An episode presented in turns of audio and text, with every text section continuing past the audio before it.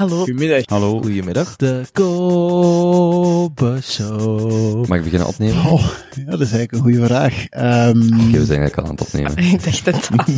De Kobe Show. De Kobe Show. 1, 2, 3, 4, zeg maar Herman. Dat ben ik. Maak fouten. Kijk om je heen. Kun jij deze eruit knippen? Blijf je verwonderen. Vind het talent in jezelf. Kobe Show. Woe. Oh ja, en luister naar de podcast van Kobe. Vandaag met uw gastheer, Kobe. Oké, na anderhalf uur Maar, we gaan gewoon beginnen opnemen. Want eh, anders blijf ik hier wijntjes drinken en eh, blijf ik hier onder mijn voeten krijgen dat ik... Dat is misschien een leuke anekdote. Je zei dat ik iets fout deed, dat, dat je op een Italiaanse manier wijn moet uitschenken. Ja, je hield de fles ehm, verkeerd vast in je hand. Dus jij schenkt hem eigenlijk ehm, een beetje averechts uit. Ja, ik, deed- ik deed dat onderhand, denk ik. Ja, onderhand, inderdaad. Ja, en dat is niet... ehm, nee, dat is echt wel Italiaans bijgeloof. Maar eh, dat zit er een beetje van thuis in, eh, in gebakend. En dat is, ehm, ja, dat, is, dat noemt eh, alla traditore. En dat is dus, ehm, ja, dat je eigenlijk iemand die je, eh, die je niet graag hebt, of die je iets, ehm, ja, een beetje afgunst of zo, dat daaronder zit. En dat als je die zo inschenkt, dat, dat, dat wijst daarop. Dus dat is helemaal geen allee, sympathieke manier om. Er zit zo precies iets onder van, oh, ik heb u niet graag, of. En ik, ik ga dat zo tonen. Ik ga daar direct op reageren. Ik heb eh, net door dat ik mijn eh, camera nog niet heb aangestaan. Ah, Dus ik ga die gewoon aanzetten. oké. Wel ja, en het was specifiek Italiaanse wijn. Heel lekker trouwens. Dus ik dacht, ehm, ik dacht, ik doe hier goed mijn Italiaanse wijn open doen. En dan zag ik zo je gezicht wegtrekken. Zo van, oh oh. Ehm, nee, oké. Ik weet nu wel hoe dat ik Italiaanse wijn moet uitschenken. Nooit meer doen, en zeker niet in Italië. Als je op reis bent en je zit gezellig in een restaurantje met leuke mensen. Hm. Niet doen. Ehm, oké, ja. En, en geen cappuccino's na twee uur, na vier uur, Nee, na twaalf uur. na twaalf uur. Mag niet. Hm. Je zei, zijn zo uw beide ouders eh, Italiaans of grootouders, of was exact eh, de, de gezins- of familiesamenstelling? Eh, ja, beide ouders zijn Italiaans. En mijn grootouders ook langs beide kanten. En het zijn uw grootouders die beide naar Limburg zijn gekomen, Ja, klopt. vanuit dezelfde streek? Ehm, nee, niet vanuit dezelfde streek. Mijn mama die is van Sardinië, is van het eiland. En mijn papa die is van eh, Abruzzo. Wacht, je bedoelt uw grootouders? Ja, dus de ouders van mijn mama en de ouders van mijn papa, die zijn eh, dus van de streek van eh, Abruzzo, is mijn papa. Dus dat ligt zo in midden-Italië. Vlakbij Rome, zo'n pak zo'n, allee, Is dat iets boven Rome? Ja, dat is zo boven tussen Rome. Toscane, Rome of ja, zo, daar ja, ergens? daartussen. En dan, ehm, en mijn mama is dan van Sardinië, dus die zijn, ehm, maar die zijn wel beide hier geboren, mijn ouders. Het zijn echt mijn grootouders die in hun twintigers naar hier zijn gekomen om in de mijn te werken in Limburg. En ehm, ja, voilà. En dan eh, niet meer terug, niet meer terug naar Italië gegaan. En hier ehm, een, een gezin gesticht hebben en, en zijn beginnen werken. En Naar waar zijn ze gekomen? De twee verschillende grootouders? Eh, of of eh, de, de koppels? Dus mijn, mijn mama, de ouders van mijn mama, die, eh, die haar mama is naar Wallonië gekomen. Dus die is ook Franstalig. En eh, mijn, de papa van mijn mama, die eh, is ook naar Limburg gekomen. Ehm, ik denk naar Genk, maar daar ben ik niet heel zeker van. En, ehm, en van mijn vaders kant, die zijn eh, beide naar, naar de mijnen van Houtalen gekomen. En dan uw mama en uw papa, die spraken dan, neem ik aan, ook gewoon Italiaans thuis? Eh, ja, dus mijn mama ook Franstalig. Dus mijn mama is deels Franstalig opgevoed en Italiaanstalig. Dus die sprak met haar mama Frans en met haar papa Italiaans. En mijn papa is echt volledig Italiaans opgevoed. Maar wij zijn thuis nooit Italiaans opgevoed. Dus ik heb één jonger broertje. Die is eh, zes jaar jonger als mij. Twee kinderen. Ja, twee kinderen. En, eh, en die we zijn dus, ja, we hebben wel echt de Italiaanse roots meegekregen. En ook wel ehm, met de grootouders dan altijd Italiaans gesproken. En met één grootouder dan Frans. Dus ehm, wat ook wel heel fijn was om dat zo mee te pakken. En, ehm, Ja, wel, dus daarna, dus dat echt meekregen en de taal ook echt geleerd. Eh, maar thuis wel altijd in het Nederlands opgevoed. En, en, en ook onder elkaar, mijn ouders ook onder elkaar, die spraken ook gewoon Nederlands. En, en daar werd niet, allee, daar werd soms af en toe, ik denk als mijn mama kwaad, als mijn papa kwaad werd of zo, dat er dan zo een Italiaans gevloek of zo tussen kwam. Ja, zoals af en toe zo vaffanculo, voilà. vaffanculo. Ja, dat zat er wel tussen. Of zo, of zo mijn naam volledig uitspreken. Dan wist ik van, oké, Mm. nu zijn ze boos. Zo, Loredana. Dan was het, oké, shit, ik heb iets fout gedaan. Maar heb je Italiaans nog bijgeleerd, behalve in, in het gezin? Ja, ja, dus ik weet, ik herinner mij ook, mijn ouders hebben mij ook echt naar de Italiaanse les gestuurd. Verplicht. Ik herinner mij nog heel goed als kind, dat was op woensdag namiddag. En ik vond dat verschrikkelijk. Ik dacht, oh, moet ik nu naar de Italiaanse les gaan? En al mijn vriendinnetjes gingen naar de tekenles of naar de, dat was ook op woensdag namiddag. En ik moest dan naar de Italiaanse les. En ehm ik heb dat tot mijn zestiende moeten doen. Alleen moeten doen. Ja, eigenlijk wel moeten doen. maar ehm ik denk zo vanaf mijn twaalfde begon ik dat een beetje meer te appreciëren en vond ik dat dan ook leuk, want dan had ik daar een, een uh, ook, ook een vriendinnengroepje. En dan werd dat wel zo een beetje gelijk een tekenles, maar um, ja, mijn ouders, die, die hebben daar wel altijd heel veel belang aan gehecht van, uh, van um, uh, ja, die, die roots te onderhouden en, en zo, ja, de waardes van, uh, van Italië en van uw afkomst en om daar altijd wel mee te dragen. En ik ben die daar nu uiteindelijk wel super dankbaar voor. Ik, vond dat, ik vind dat nu heel leuk dat dat, ja, dat, dat zo van thuis is meegegeven en dat ik dat, ik wil dat ook super graag aan mijn dochtertje nu meegeven. Dus ik spreek er nu ook Italiaans tegen. Hmm. Um, tot nu toe lukt dat wel heel goed, maar ik heb zo van vrienden gehoord van, oké, okay, van het moment dat ze gaan horen dat jij ook Nederlands spreekt, dan is het voorbij. Dan, dan kun je niet meer ja, want dan zou je met beide ouders constant Italiaans in het gezin moeten praten. Ja, inderdaad. En dat is bij ons niet het geval. Mm -hmm. Want mijn vriendje spreekt dan Nederlands en ik spreek Italiaans. Dus ik denk van het moment dat, uh, dat Julia gaat doorhebben van, oh, die spreken hier Nederlands tegen elkaar, maar jij spreekt wel Italiaans mm. tegen mij. Daar uh, komt ze niet mee weg. Zou ze dan zo op uh, intense reisjes naar Italië kunnen meepakken en dan zeggen, ja. als we daar zijn, dan spreken we enkel Italiaans. Ja. Op die manier misschien. Misschien, ja. Hmm. Ik ga mijn best. Ik wil wel echt proberen om dat zo lang mogelijk te doen. Ik ga die niet naar de Italiaanse les sturen of zo, maar ja, ik ga wel proberen om ja, die wel... Dat zeg je nu, maar... Ja. Ja.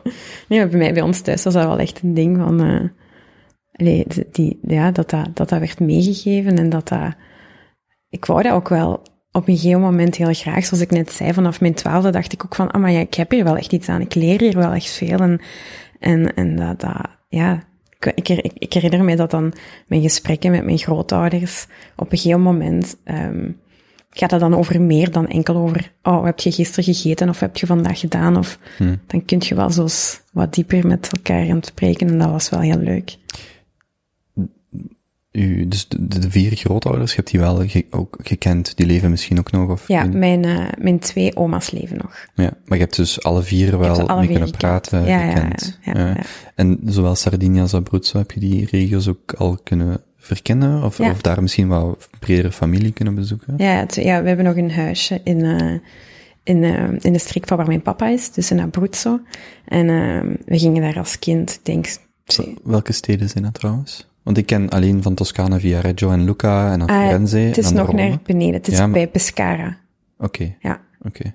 En, um, en het dorpje op zich, uh, dat heet... Wacht, Rimini, ik weet alleen dat dat Nee, nog naar beneden. nog naar beneden. Ja, nog naar beneden. Dus ik denk nog een... Goh, ik denk nog een 100, 130 kilometer of zo nog. 150, zo nog naar beneden. En het ligt ook niet echt aan de kust. Het ligt zo'n 40 kilometer uh, in het binnenland. Mhm. Um, dus, um, en het dorpje op zich noemt dus um, Chiarino. En het ligt bij Teramo. Teramo is eigenlijk de grote stad.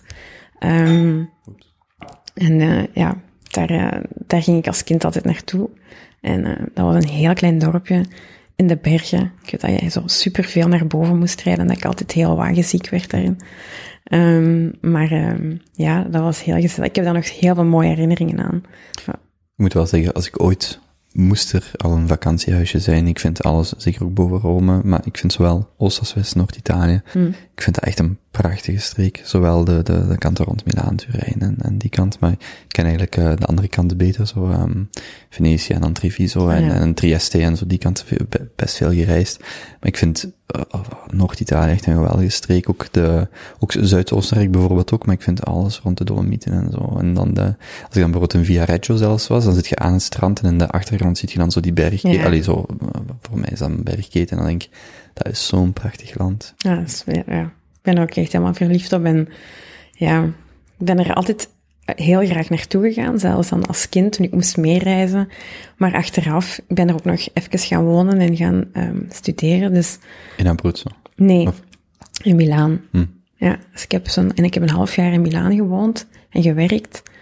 Ehm, en eh, ja, dat, dat, dat is natuurlijk iets heel anders, want daar zit je in een grootstad en daar zit je ook in een, allee, Milaan is ook echt een industriestad, dus dat is niet zo de, de, daar heb je wel de Italiaanse gezelligheid en het lekkere eten en, en, maar daar heb je niet zo het vakantiegevoel. Dat is een beetje gelijk bij ons, zo Brussel of Antwerpen, daar is een, ja, echt een, een eh, daar zijn heel veel bedrijven, die is zo wat de economische hoofdstad van Italië. En ehm dus dat, daar merkte je wel echt het verschil met, met bijvoorbeeld Venetië of Firenze of Rome. Het zijn echt compleet verschillende steden, maar daarom niet minder leuk, maar gewoon wel anders qua gevoel. Ik moet wel zeggen, mijn beste herinneringen zijn zo de kleine dorpjes. Als ik vrienden ging bezoeken, zo, dan die streek zo uh, Pordenone, uh, Bolzano of Bolzano. En daar was dan zo'n bepaalde fiets, in, in Pordenone was een fiets, jaarlijks fietsevenement.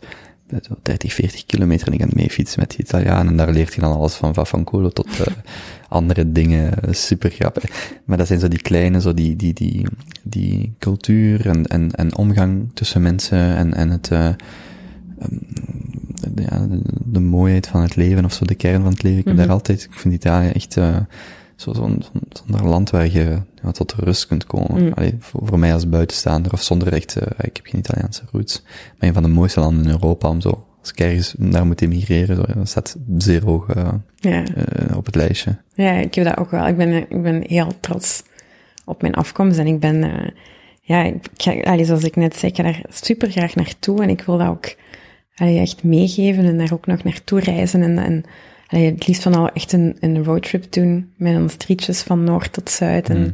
stoppen op elk mooi gezellig dorpje en ja, zo die warmte en de, de Italiaanse mentaliteit. Je moet daar echt zijn om Mm. dat te kunnen voelen en om dat te kunnen beleven en, je, en u daar volledig in te laten gaan. Ja, dat is heerlijk. Ik proef al terug de San Daniele prosciutto als we Oh, daar ja. binnen reden en een bordje, waar gaat je plunch eten? Een bordje prosciutto, de San Daniele. Zo, Ik denk dat ik echt elke keer misschien minstens 2, 3, 4 kilo per week bijkwam. Mm. Mm. Zo van de lekkere pastas. Of, dat is ook echt bij ons thuis ook vroeger. Ik herinner mij nog heel goed, mijn, mijn grootmoeder die maakte echt alles zelf. Dus die had een kelder waar dat die haar brood bakte, waar dat die haar pasta maakte. En, eh, dat was dan thuis. Dat was bij Ah. haar thuis, ja. En um, die kon super goed koken en die was altijd, als je daar kwam, dan, ook al had je eigenlijk pas gegeten, je moest daar verplicht nog eens eten. En je kon niet zeggen van, oké, okay, nee, maar ik kom net van tafel. Ah ja, is goed, ik zal je nog een bordje pasta maken. Ja, maar nee, ik kom net van tafel. die, dat, dat, is, dat is iets wat Italianen niet snappen. Ergens binnenkomen en niet eten, dat, dat gaat er niet in of zo bij hun. Dat is onmogelijk. Hoe kookt jij? Ik bedoel, hoe goed? Of heb je dat, heb je dat mee, meegekregen van de familie? Uh, ja, ja. Mijn papa is een heel goede kok. Dus um, misschien een beetje atypisch, want ik denk de meeste, de meeste, allee, de Italiaanse, ik denk dat het stereotype dat de Italiaanse mannen goed kunnen koken, maar mijn mama, die, uh, die kookt ook goed, maar mijn papa is echt wel, die, uh, die kookt echt met finesse en die vindt dat, die, is er, die heeft er echt zijn hobby van gemaakt om zo lekkere, lekkere pastas te maken. À la minuut, die kan er precies zo ineens uit zijn mouw schudden van, ah, wil je iets? Oh, wat heb ik hier? Ah, tonijn, uh, porcini, ja, ik maak wel iets. Up, klaar. En dan, en dat smaakt altijd goed. En dat is, dat, is dat trouwens ook niet, sorry, is dat ook niet de, zo de, de, dat is voor mij de rode draad voor de mensen die goed kunnen koken. Die maken van eender wat iets lekker. Ja, wat dat er is, dat is niet van, ja. gelijk, ik vind dat ik een paar dingen lekker kan maken, maar ik moet dat voorbereiden. Maar je hebt echt ja. mensen die pakken gewoon uit een frigo dingen, ja. die maken daar iets van en dan staat je er echt naar te kijken en denk je, oké, okay, jij kunt echt koken, want jij snapt hoe dat dingen samenwerken, hoe smaken werken. Ja. Ik zou er zelfs nooit op komen. Of nee, zo. ik ben daar ook niet zo. Ik ben ook vrij, um, En ik moet ook vrij gestructureerd te, wer- te werk gaan. Dus ik moet ook weten van, oké, wat heb ik in huis? Wat moet ik nog gaan halen? Waar, waar, hoe ga ik beginnen? En zoiets heeft mijn vader totaal niet. Die kan echt zo een sausje à la minuut maken. En dat kan zo goed smaken. Dat ik denk, hoe heb je dat nu gedaan? En, en die legt me dat dan uit. Ja, maar je moet gewoon, bij hem, dat klinkt dan ook altijd super simpel. Nee, je moet gewoon wat look snijden en wat, en je moet dat wat stoven en je doet er een beetje tonijn bij. En dan, dan denk ik, ja, nee, zo simpel kan dat niet zijn. Dat is niet... Maar dus ja, om te antwoorden op uw vraag. Ik denk wel dat ik redelijk goed kan koken. Ehm, maar ik ben niet zo degene die ineens gaat improviseren en dan een super lekker gerecht op tafel kan toveren of zo. Nee, dat is niet. Hoe, hoe goed is uw panna cotta? Ah, panna cotta, ja, dat is wel iets wat ik heel graag eet. En ik denk dat dat het meest bestelde gerecht is, eh, dessert is, wat ik echt ehm, altijd na een maaltijd wel kan binnenspelen. Maar ehm, zelf, ik heb dat nog nooit zelf gemaakt. Hmm. Tiramisu wel. En die is wel oké. ik heb geleerd dat ik mijn koekjes niet volledig moet doordringen in de koffie, want dan, eh, dat is wel de fout die ik in het begin wel gemaakt. Dus. Wat betekent fallone? Eh Falloni, eh, dat is eigenlijk een Ier, die, die komt van Ierland. Dus mijn, dat heeft een Italiaanse afkomst, maar dat heeft ook een Ierse afkomst. Dat heeft niet echt een bepaalde betekenis. Ik weet dat mijn vader ook het wel eh, zo'n, zo'n een familienaamanalyse heeft laten doen. En daar bleek dan ook helemaal niks uit te komen. Dus dat was een beetje teleurstellend voor hem. Maar ehm, ja, dus geen betekenis. Mijn voornaam ook niet. Ehm, maar ja, wel van Italiaanse afkomst, maar geen betekenis. Jullie, jullie alleen binnen het gezin, jullie zijn aan houthalen, of houthaalhellichten? Ja, houthalen Helchteren. Of ja, houthalen. Houthalen Helchteren. Ja, voor iedereen die buiten, Ja. buiten een straal van 10 kilometer vandaan woont, is dat gewoon allemaal houtaal of houtaalhellichten van eh, de afrit of zo. Ja. Alleen in mijn hoofd is alles houtaalhellichten, want dat is gewoon de afrit. Die, ik, ik merk met de jaren dat ik het net, allee, dus ook in Genk, allee, ook dus in Genk geboren en, en daar 5, 26 jaar gewoond. Maar ik vind net, ik kan hoe langer met ouder worden, hoe meer zo die eh, culturele invloeden van heel die streek, allee, van zo heel dat Midden-Limburg, waar dat dan vooral in allee, van Beringen zoals geen kennen, waar je zo al die verschillende culturen hebt, ik kan dat met ouder worden net meer appreciëren. En daarna teruggaan en echt zo van, ah, wat we in deze straat of in, of in dit restaurant, kun je echt zo die, die, die sfeer opsnuiven. En dat is niet, je kunt hier vandaag, eh, gelijk in Antwerpen zie ik daar regelmatig, dan, dan doen ze een bepaald eh, Vietnamees of, of, of Braziliaans of whatever restaurant open, maar dat zijn dan vaak Belgen die, of dat is dan zo'n verbelgiste versie daarvan, terwijl in, in onze, allee, wat- In Limburg. ja, daar, daar Ja. Mhm. gaat je naartoe en daar, ja, daar spreken ze gewoon allemaal Italiaans in de keuken. Allee, daar, daar, dat zijn gewoon allemaal zonen, dochters Ja. van.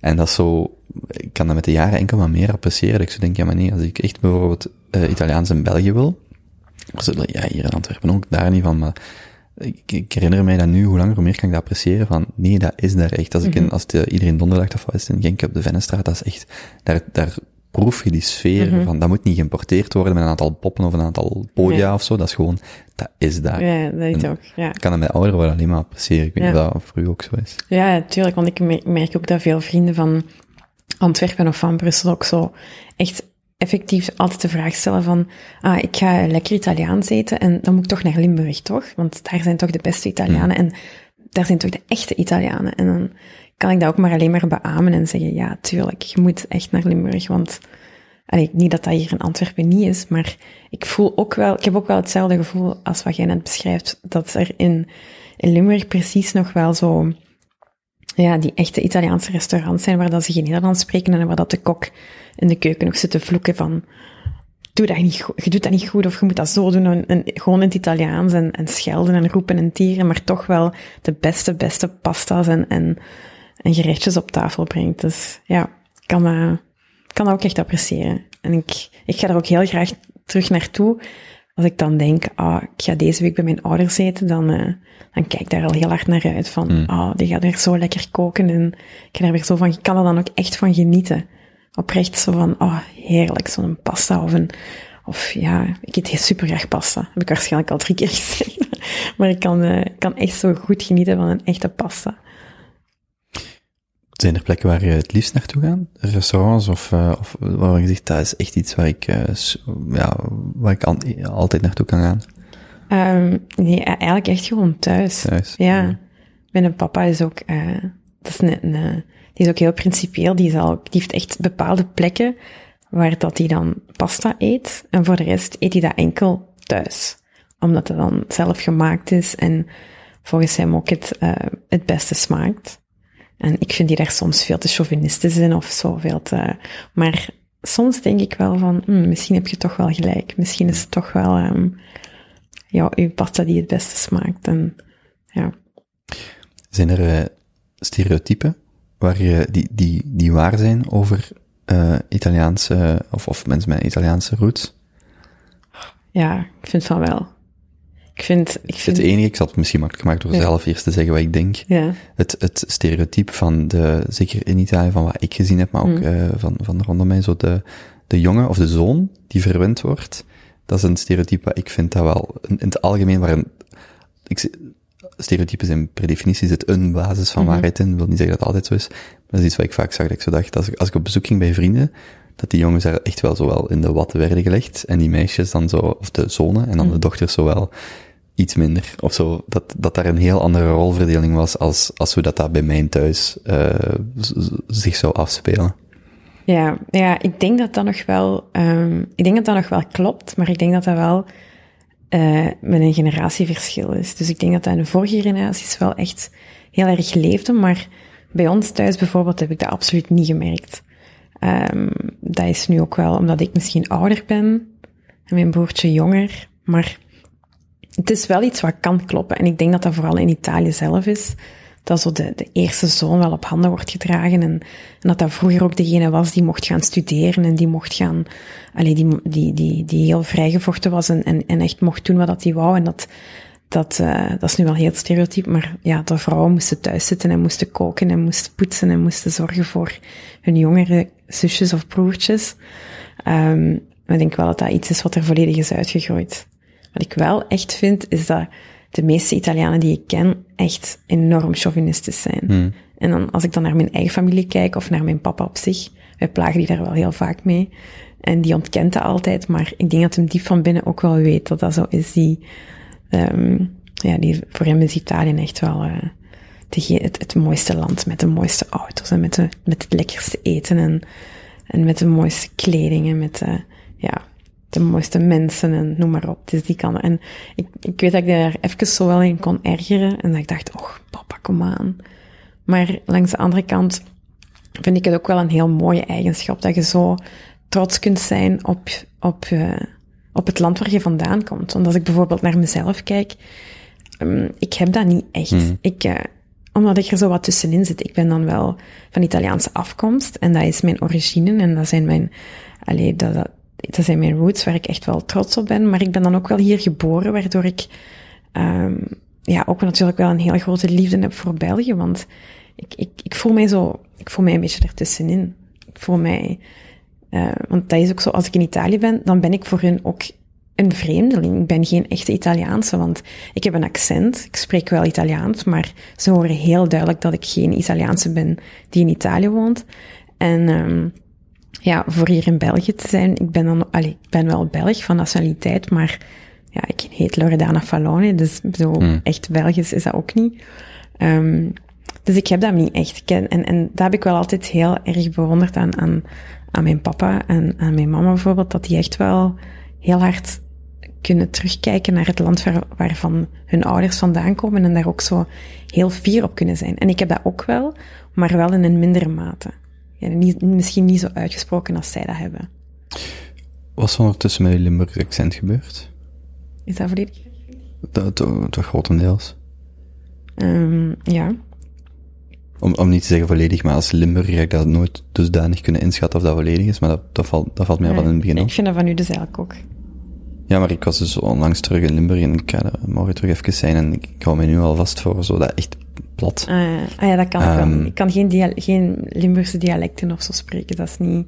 Maar valt er bij u dan soms ook zoiets tussen, zo, gelijk zo nog niet misschien, of, eh, of, of die zware S of zo? Nee, dat heb ik niet. Dat is ook wel misschien nee, typisch Genk. dat is wel Allee, type, ja, Genk is wel echt iets apart. Dat is niet... Nee, dat heb ik nooit gehad. Maar eh, allee, ik ben nu ook niet meer de persoon die spijt zegt of zo, of zo dat, dat type dingen, dat, dat is ook wel al heel lang geleden. Of, Ah, wij zeggen dat soms aan mijn vriendinnen. Voor, alleen mijn vriendinnen, wij lachen daar soms wel mee. Als we zo onder elkaar zijn, dan, eh, dan kunnen we daar wel zo smoppen over maken. Of zo viestijl of zo. Van Ja. die dingen, daar kunnen Zo, wat maken? we- ja, van die dingen, daar kunnen we wel eens mee lachen, maar... ehm, Ik vind wel alles met vies vind ik wel heel leuk. Zo, zo zeker als je zo'n dingen zoals, dat is vies lekker. ja, Zo- ja, ja. Wat? Dat is Huh? typisch Limburg, dat is wel... Ja, of zo, ik weet je huis wonen. Zo. ik vond dat nooit vreemd, dat ik dat hier eens in Antwerpen zijn die zo, wat? Ja, Ja. alles wat Ja. Ja, ik vind dat wel... En ik, ik word ook wel eh Limburgser als ik met Limburgers Maar ja, samen zit. Ineens, ineens hoor ik iemand zeggen, steek een niks, en ik vind dat helemaal niet vreemd. En dan, zo, en dan ben ik in Antwerpen en denk, dat oh kun wacht, je niet maken. zo gaat iemand neersteken. Ik zo, nee, nee, dat is het niet. Nee, dat kun je niet maken. Ja. Maar dat is grappig. Maar ehm, Ik heb zo'n story gepost. Ik heb, die, ik, heb ik heb die afbeelding nog, ik ga die nog eens herposten. Echt zo van, soms sluipt er wat gings in de show en dan echt zo, zo 15, 15 dingen zo, zo wat maken. En, Ja. ik vind het nog niet misschien, vind ik ook wel ik dat grappig. Ja, ik maar- vind dat ook heel grappig. Ik vind Limburgers heel grappig en ik kan er ook echt heel hard mee lachen als ik in Limburg ben en, met, en zo met mensen samen zit die echt zo plat Limburgers kunnen spreken. Ik moet daar altijd heel hard mee lachen. Ik vind dat ook heel aangenaam. Maar ja, zelf heb ik dat nooit echt gesproken en ja, ik weet dat. Ik heb mensen die wel echt, om, alleen, het zijn zo precies, omdat jij nu zegt dat je het niet hoort, maar ik heb wel echt vaak mensen die dat onmiddellijk horen. Dus het is zo wel wat verdeeld. Ik denk dat ik soms wel een beetje in die, in die Limburgse tongval herval. Ehm, maar ja, het is er ook een beetje uit, omdat ik, ja, ik, ik woon nu, eigenlijk, ik heb, ik woon eigenlijk al lang niet meer in Limburg. Ja. Maar ik woon al, ehm, zes, zeven, acht jaar of zo. Ja, 2012. Ja, acht jaar niet meer in Limburg. Ik vind ja. wel zo, sommige van de woordenschat, ik weet nog als ik terug naar, als ik pas naar hier verhuisde en we waren zo'n beetje aan het discussiëren, op een bepaald moment zeg ik zo niet muilen. Ah, ja. En die zo, we zijn niet aan het muilen. Ik zo, je zit wel aan het muilen. Hij zo, oh, wacht eens. Wacht. Muilen in Limburg is iets anders dan muilen in Antwerpen. En zo, oké. En ik Mhm. Ja. zo, dan op een bepaald moment zei, het ging dan zo, ja, over iemand, en dan het woord schub gebruikte, wat ik een zalig woord vind. Ik vind dat echt een za, en dan zo, wat? Een schub? Ik zo, ja, een schub. Ja, is wat. Want ik weet niet of je dat verhaal ooit gehoord hebt, oké, voor iemand die vaker luistert en nu denken, oh, dat gaat hij dat verhaal weer vertellen, maar er is zo, ik woon in Hamburg, of ik zat een tijdje in Duitsland, in Hamburg. En ik loop zo een, eh, een supermarkt binnen. En, dus dat is de enige keer in mijn leven, of de eerste keer in mijn leven, dat ik gewoon hardop in de supermarkt ben beginnen lachen. Dus ik loop die supermarkt binnen en zo het rayon van de tandpasta en zo. En ik draai mij om en ik zie zo het rayon van de, van de, van de shampoo. En er staat dus een, letterlijk een bus met anti-schuppen shampoo. en dus ik lach keihard, want ik denk direct aan een paar vriendinnen aan wie ik dat wil geven. Maar dat is blijkbaar in Duits. Sch- sch- Schuppen Ah, is een- roos, ah, dus dat is ja, gewoon anti-roos shampoo in Duits. Oh, my, dat is goed. Dus nu, ik moet gewoon nog eens naar Aken rijden, daar zo'n bus of tien gaan kopen en dan gewoon echt zo hier is shampoo. En ik vind dat het, het grappigste ooit. Nee, ik vind, ik vind dat, Ah, dat is... Maar, zo, zo dat type ding. Maar dat is, dat, buiten Limburg kent niemand dat. Dus nee, nee, nee. Buiten Limburg kent echt niemand. ja, dat grapje zo geografisch beperkt. ik vraag me zelfs af van waar dat, dat woord komt. Ik snap die connotatie niet zo goed. Dat schub, dat is toch iemand die heel lelijk is, hè? Ja, ja, een draak. een schub. Een dra- Ja, een draak. Maar een draak dat zo wel. serieus zeggen. Ja, ja, ik vind, ja, ja. Maar ik vind zo, ik denk dat wel heel veel streken zo die, die specifieke woordjes hebben, maar Ja. ik vind dat in Limburg is dat gewoon heel, ehm want er is wel, wel heel duidelijk een verschil tussen echt plat Limburgs praten en dan die woordenschat. Mhm. Ik vind zo, want gelijk Fonzie Fons is zo'n zanger, of een rapper eh, van Genk, maar zo Ja. van een heel aantal jaar geleden. En heeft hij zo'n nummertje, Uw zuster. ik vind dat, dat is, ik vind dat een van de meest hilarische nummertjes ooit. Maar die klinkt niet super Genks of zo, niet zo heel, zo wat degout, allee, zo in, Ah, in zijn stijl niet super, maar die zijn woordenschat is heel grappig. Ah. In ieder geval. Maar dus bij, bij u valt helemaal niet, allee, valt dat helemaal niet zo, zo op. Zit jij, wat je zei net, hè, je hebt in Brussel gewoond. Mhm. Ehm, maar is dat om je studies te gaan doen? Eh, nee. Nee, dus ik heb in Antwerpen gestudeerd. Ik heb in Hasselt gestudeerd en ik heb in Antwerpen gestudeerd. Eh, hogere studies? Ja, hogere studies. In het middelbaar? Eh, in, eh, in Zonhoven. Dus ik heb in Zonhoven mijn middelbaar gedaan. En dan ben ik naar de hogeschool gegaan in Hasselt. En dan ben ik naar Tunief gegaan hier in Antwerpen. Waarom ging je in zon, was dat gewoon, Ehm, ja, dat was eh, een, ja, een keuze van mijn ouders die dan dat een goede school vonden. Dat was het Sint-Jan Bergmans Instituut, ik herinner me dat nog goed. En die vonden dat, ja, die vonden dat een heel goede school en die wilden mij daar absoluut naartoe sturen. Dus mijn middelbaar heeft zich daar afgespeeld. En, allee, ik kijk er nu wel echt met, een- met een warm hart op terug. Ik vond dat heel leuk. En, eh, maar mijn tijd in mijn hogeschool in Hasselt ook heel fijn. En hier in Antwerpen ook. Dat is, ik vond dat misschien nog wel het leukste, zo op kot gaan en ja, de wereld ontdekken. En ehm, ja, ik vind in, in Unie, ik denk dat zo vanaf dat je op het unief zit, dat dat echt wel iets is wat je, dat vormt je dan wel voor zo degene die je bent, of degene die, allee, de persoon, je begint je eigen dan zo wat te leren kennen en je zit op een leeftijd dat je denkt, oh maar ik ben hier aan, ik heb echt een heel toffe studententijd gehad. Ik kijk daar echt, Wacht, vlo- vloeide uw hogere studies voort uit wat je in het middelbaar deed, of was dat iets, iets volledig anders? nee, dat was iets volledig anders. Ehm, ik heb in, eh, in het middelbaar gewoon eh, economie taal gedaan. Ehm, en dan heb ik eh, communicatiemanagement gedaan in Hasselt. En dat was een bachelor. En dan ben ik verder gaan studeren en dan heb ik een master gedaan in Antwerpen hier. En dat was, ehm dat heette meertalige professionele communicatie. En dat was eigenlijk een samensmelting van, eh, van TW, dus van toegepaste economische wetenschappen en communicatiewetenschappen.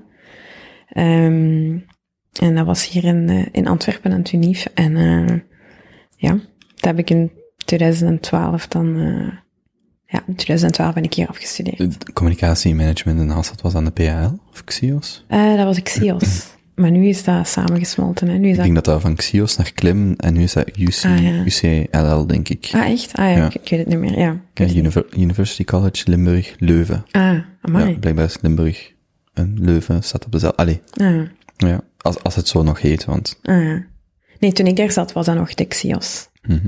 Dus ehm ja, ik vond dat heel leuk. Ik vond dat, een- dat was echt wel een, een heel toffe tijd. En waarom dan Antwerpen? Zat, wacht, zat je in Hasselt al op kot? Nee, in Antwerpen, eh, in Antwerpen ben ik pas op kot gegaan.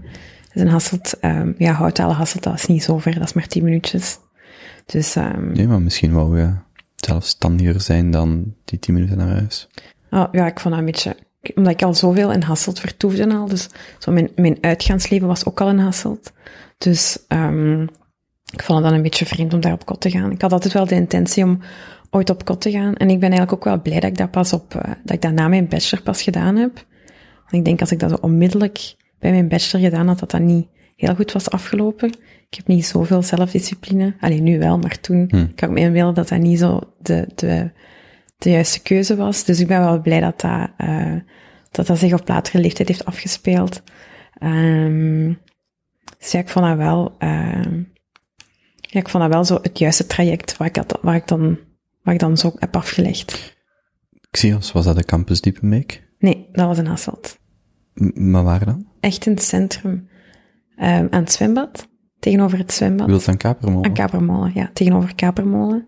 Ah, ja, ja. Ja, eh, ik weet nu niet straat. Ik weet, Ja, ja, maar ik weet waar je bedoelt. Daar zijn veel scholen, hè. Vlak aan Dussard. Ja, vlak was aan denken, was dat, ja. want nu zit een stukje van allee, van toen denk ik, de bouw zat dan op de campus Diepenbeek, Ah, ja. bij de universiteit.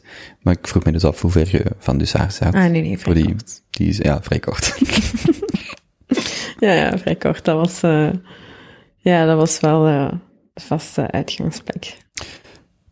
maar dus, werd je zeker dat je naar Antwerpen wou, je vooral die extra master doen, of die master doen, en het maakte niet zoveel uit waar? Ja, het was vooral de, de master die zich, eh, die ik dan kon doen. Dus die volgde op communicatie. Ik wou geen master communicatiewetenschappen doen, want ik was niet heel zeker dat ik echt in die communicatiewetenschappen verder wou. En communicatiewetenschappen is iets wat je overal kon doen. Dus kun je ook naar Leuven of in Brussel of in Antwerpen. Allee, dat kon je overal doen. Ik wou wel zo iets specifieker. En omdat mijn talen wel vrij sterk zijn, ehm, had ik dan deze, eh, de afstudeerrichting gevonden, dus die masteropleiding. En dat sprak mij wel aan, omdat dat wel een, een, eh, een toffe combinatie was van eh, economie en van talen samen. Ehm, ja, en dat was dan enkel in Antwerpen natuurlijk dat je dat kon verder doen. En eh, ja, dus vandaar ik de keuze om in Antwerpen te, te gaan studeren. En ja, uiteindelijk is dat wel een heel goede keuze geweest. Ik vond dat een super tijd en mijn liefde voor Antwerpen is toen ook wel zo wat begonnen. Ehm, ik ben ook met mijn twee, eh, met twee van mijn beste vriendinnen op kot gegaan. Dus we zaten met drie meisjes op kot. Die Limburgse. Drie Limburgse meisjes, ja, hier op kot. Ehm, aan het Parksporen Noord. Dus dat was een heel, heel toffe tijd. Ehm, en ook samen studeren, dat heeft eigenlijk wel goed gedaan, want ik denk dat dat, ja, dat heeft mij ook wel heel geholpen. Want ik, allee, ik moet eerlijk zeggen, ik heb daar hard voor moeten studeren. Ik vond, ik was nu geen heel goede student en ook geen slecht, ik was de, de, de normale middelmaat.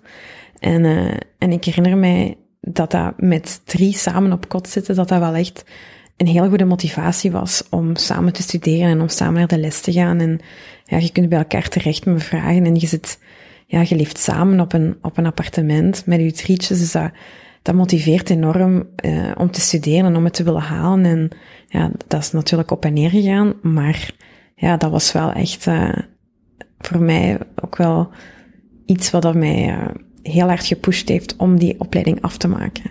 Hebben uw ouders verder hogere studies gedaan? Uh, ja, mijn papa wel. Ja, mijn vader. Dus je werd niet de eerste in de familie, Nee. zo gezegd, die, die verdere studies Nee. ging doen. Nee. Wat heeft hij gedaan? Uh, mijn, mijn vader heeft uh, een bachelor in bedrijfsmanagement gedaan. Um, dus ja, die was, mijn ouders hebben daar ook altijd heel hard um, wel um, achter gezeten. Voor hen was dat heel belangrijk van, oké, je kunt, je mocht gaan doen wat je wilt. Die hebben mij in al mijn keuzes heel erg gesteund, maar het was voor hun wel super belangrijk om een, een goed diploma op zak te hebben. Ik denk dat dat wel zoiets is, um, ja, iets typisch voor ouders. Die hebben mij echt wel vrijgelaten, maar het was wel voor hun belangrijk um, om die studies af te maken. Um, en ik ben hen daar ook wel heel dankbaar voor. En ik vind dat ook heel, ik ben er ook trots op dat ik dat, dat ik die heb afgemaakt. En uiteindelijk heb ik daar wel iets mee gedaan. Het komt mij nu natuurlijk supergoed van pas dat ik, um, ja, mijn hogere studies destijds heb afgemaakt. En dat ik die wel, ik weet toen ik met Rebel Stories begon, uh, ja, dat ik mijn eigen financieel plan kon maken en mijn eigen bedrijfsplan, dat ik dat wel allemaal zelf heb kunnen doen. Alleen mits met hulp van mijn boekhouder. En, en, maar allee, je kunt wel een aanzet geven. En als ik geen hogere studies had gedaan, was dat waarschijnlijk niet het geval geweest. Die master, was dat dan wel met, de, met eerder een carrièrepad voor ogen? Of wist je dat je uiteindelijk wel zou gaan ondernemen? Ja, ik denk niet. Ik denk dat ik al vrij vroeg wist dat ik daar niet in verder wou. Uh, in het bedrijfsleven? In het bedrijfsleven, ja. Ik heb dat ook niet geprobeerd, omdat ik... Uh, omdat ik wel heel hard voelde dat daar niet, alleen dat mijn toekomst daar niet in lag. Um, en, en ja, ik, het is niet dat ik dat oninteressant vond. Ik vond, uh, ik vond de lessen op zich wel interessant. En ik, en ik ben uh, ook wel daar, uh, allee, ik, ik vond dat wel iets wat dat ik, um, wat dat mij intrigeerde op een of andere manier. Maar ik voelde al vrij snel dat dat niet, dat dat niet ging worden wat ik in het professionele leven ging doen. Um, ja, ik zag me dat gewoon niet doen. Ik zag mij niet een communicatie-experte of een public relations of nee, dat was gewoon echt niet aan mij besteed. Ik voelde echt al vrij, vrij snel dat ik, uh, dat ik creatief geprikkeld werd en dat ik daar wel echt in verder wou. En ja, dat was voor mij wel echt een, uh, ja, en, en, en ik, ik, voelde gewoon heel erg dat ik daarin verder moest. Hoe was die overstap van Limburg thuis naar Antwerpen? Was dat, nee, ja. Ja, um, ja smooth. dat ging wel, uh, ik, ik, ik, ik hou van Limburg en ik, ik vind Limburg echt een, een fantastische plek. Maar ook daar had ik heel erg het gevoel, ik wou daar ook wel vrij snel weg. Ik had heel erg het, allez, ik had wel snel nood aan een grootstad en ik vond daar wel heel snel mee weg. En ik vond dat, uh, ja, dat prikkelde mij heel snel. Ik, weet, de eerste, toen ik hier pas op kot zat in Antwerpen, um, ja, ik vond, uh, er gaat een wereld voor je open. Je denkt, wauw, je komt dan van Limburg, uh, waar op zich ook veel te beleven valt. Allee, maar in Limburg, ja, maar in Antwerpen gaat er dan wel echt ineens een heel andere wereld voor je open. En ik had echt onmiddellijk het gevoel van, ja, dit is wat ik wil. En zeker op die leeftijd, ja. Je werd 21? Um, ja, 21, 22. En ik vond dat wel, um, ik voelde me daar direct thuis. En ik ging wel elk, elk weekend graag naar huis ook terug. Dus, um, zo ja, ik vond dat wel fijn om van maandag tot vrijdag hier volledig in Antwerpen te zijn en mij te focussen op, uh, op, het uh, op, het, op mijn studies. En dan ook terug thuiskomen in Limburg. Want ik ben ook heel graag thuis. Ik kom, ik kom echt uit een heel warm nest. En, uh, en ik, ja, ik ben altijd graag terug thuis gekomen, maar ook wel heel graag terug vertrokken. Maar like het nu, als je dan één keer in Antwerpen zit, had je dan wel het gevoel van, dit is wel waar ik de, de basis wel veel eerder dan Limburg. Naar Limburg ga ik terug, maar hier ben ik verankerd, tenminste voor nu. Ja, ja. Ja, toch wel.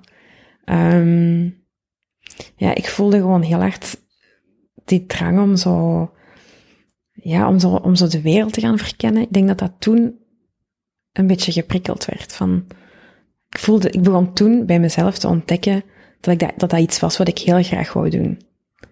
En, ehm, en ik denk dat dat wat de eerste stap was om dan, ja, op jonge leeftijd naar een, naar een grootstad te gaan. Je moet ineens alleen gaan, gaan samenwonen met, eh, u- met, met uw vriendinnen en je moet gaan studeren. En ja, dat is ineens wel zo een verantwoordelijkheid die je krijgt. En dat was eh, voor mij wel iets wat mij overviel, maar wel op een heel goede manier. Op een heel juiste manier ook. Dat voelde heel juist aan. Iets wat ik merk, en ik ben benieuwd wat jij daarvan denkt, ik vond de factor multiculturaliteit in, waar ik ben opgegroeid hoger als hier, hoewel dat er waarschijnlijk objectief gezien meer nationaliteiten hier wonen. Maar het is voor mij meer gesegregeerd, zo naar mijn gevoel. In, in Limburg, of bijvoorbeeld in de school waar ik zat en zo, liep dat veel meer over.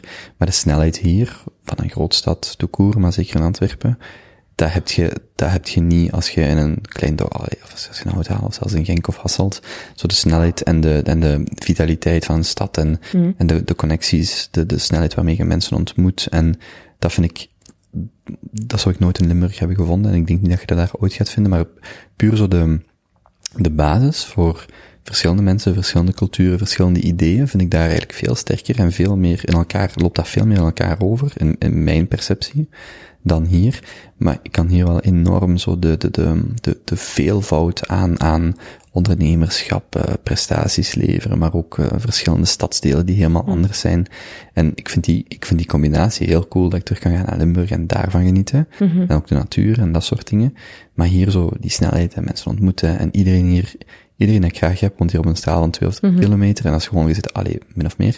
Maar dat is gewoon allemaal zot hoeveel mensen dat hier zo bij elkaar zitten. En dat is ook zo'n heel eigen bubbel zo in een, in een groot stad. Ik vind dat op dit moment wel zalig. Ja, dat kan ik, ja, dat snap ik.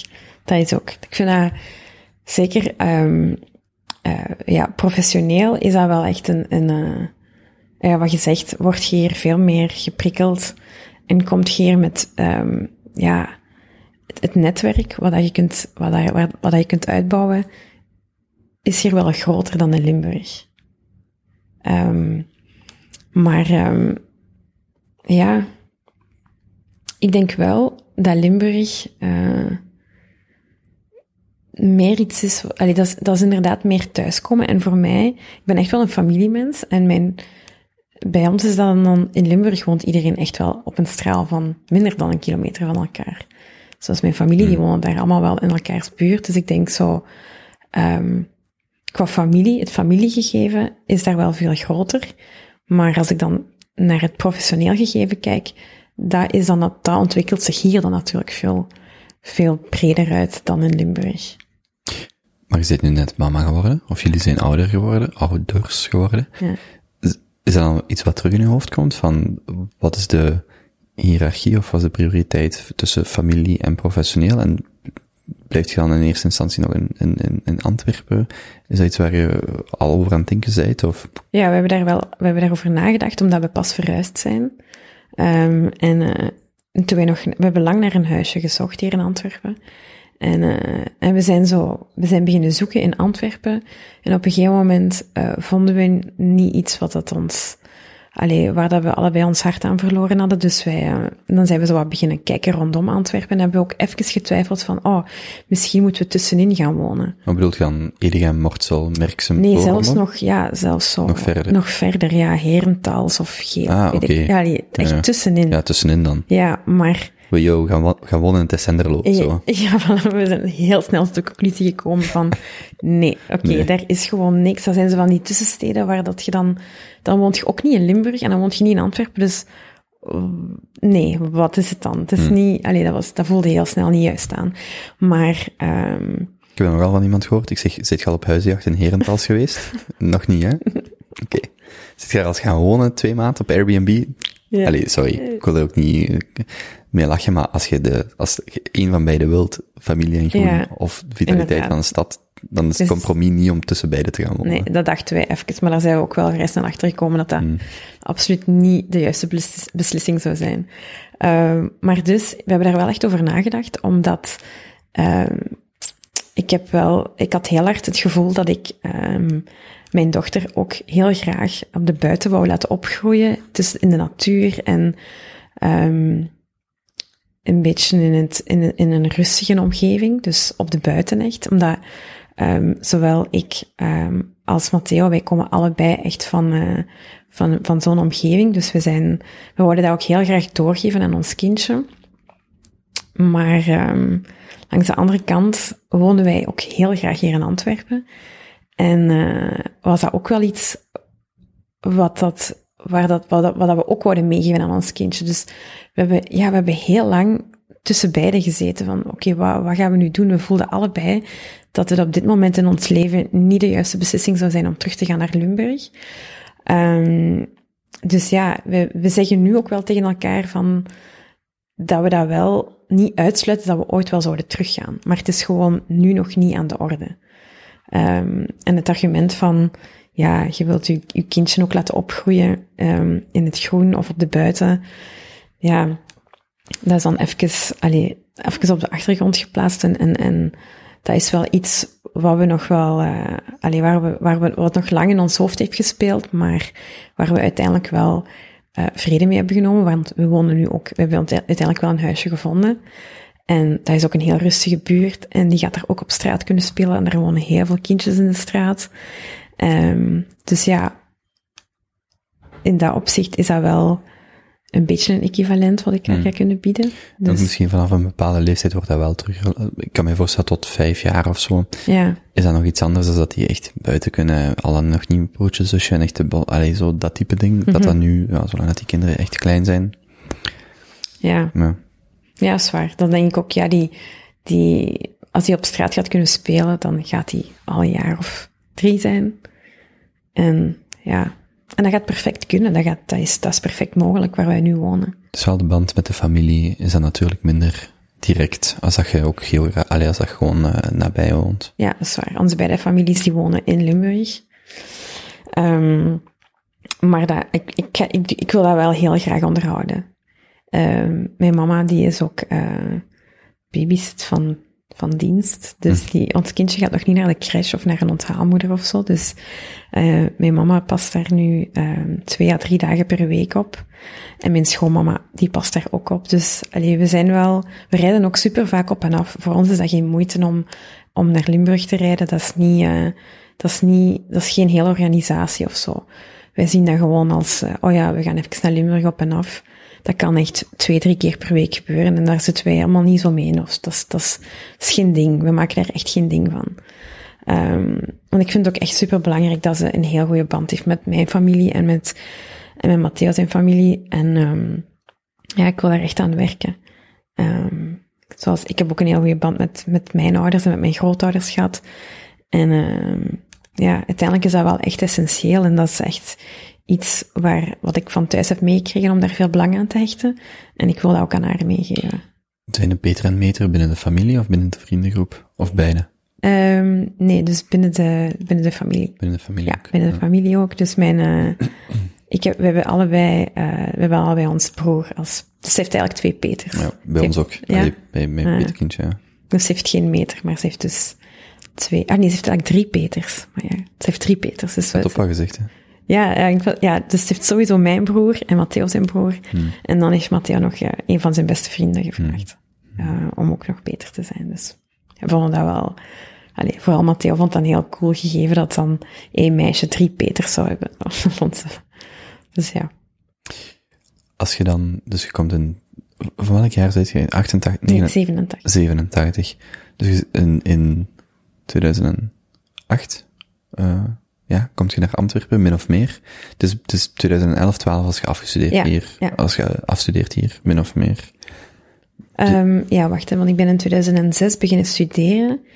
En ik heb... eh, En dan vijf jaar, als die master twee jaar was, Ja. met schakeljaar of zo. Klopt, ja. En ik heb drie jaar in, Ant in Hasselt gestudeerd. En ik heb daar dan vier jaar over gedaan. Oké. Ik heb zo eh, ehm, vakken meegepakt. Je zit dicht bij Dussard of niet? hè? Ja, voilà. een beetje te, beetje te dicht soms. Ehm, dus ik ben dan in 2010 naar eh, Antwerpen gekomen en in 2012 afgestudeerd. Overlaatst ging het over iemand die ging draaien in Hasselt en ik kon niet op de naam komen en dat was vanaf Dussard in het centrum misschien een paar honderd meter wandelen. Weet jij toevallig nog wel zo'n paar bekende ehm disco's of ja, weet dat, of eh, Zo, goh, ik ben daar ook wel echt al even uit. Maar eh, je bedoelt cafeetjes of? nee, echt zo wel om te, ja, echt zo eerder discotheek, maar niet zo, alleen niet zo à la versus, maar Mm. dat was zoiets met zwart en witte letters van buiten en ik kan maar, maar niet opkomen dat dat heette. Maar iets, iets wat nu nog bestaat Nee, ik, Ah, weet nee. dat niet, maar wel een diepere rol sowieso Ah, niet bestaan. Oh, nee, ik ken eigenlijk alleen de versus. Oké. En de, en de cafeetjes op het Jussaarplein. Ik denk dat dat zo de twee plekken waren waar wij toen het meeste uitgingen.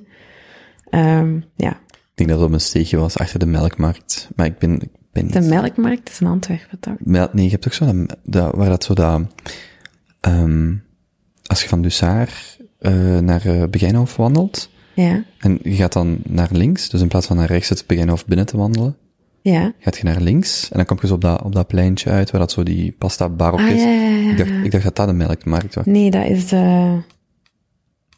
Of eieren, nee. Nee, de Eiermarkt is ook, Dat is ook, aan, dat is ook maar ik ben vrij zeker dat dat een melkmarkt is. In Ah, ja, dat kan. Maar in ieder geval, ik dacht dat niet- het vandaar nog een straatje in was en daar ligt een, een club of iets waar ik mee, waar ik een aantal keer ben geweest, maar ik kan mij, Amai, ja, ik weet wat je bedoelt. en er ligt zo'n steegje, zo'n Amai, ja, ik steegje. weet het. Maar ik kan me niet herinneren hoe dat dat heet. Ah, ah, ik zie het voor mij Mm, ineens. je weet, dat is, Ik weet het, ik denk ja. dat dat nu dat steegje is van, ehm eh, Bottega. Ik, ik denk dat dat daarop Ja, dat is uitkomt. daar.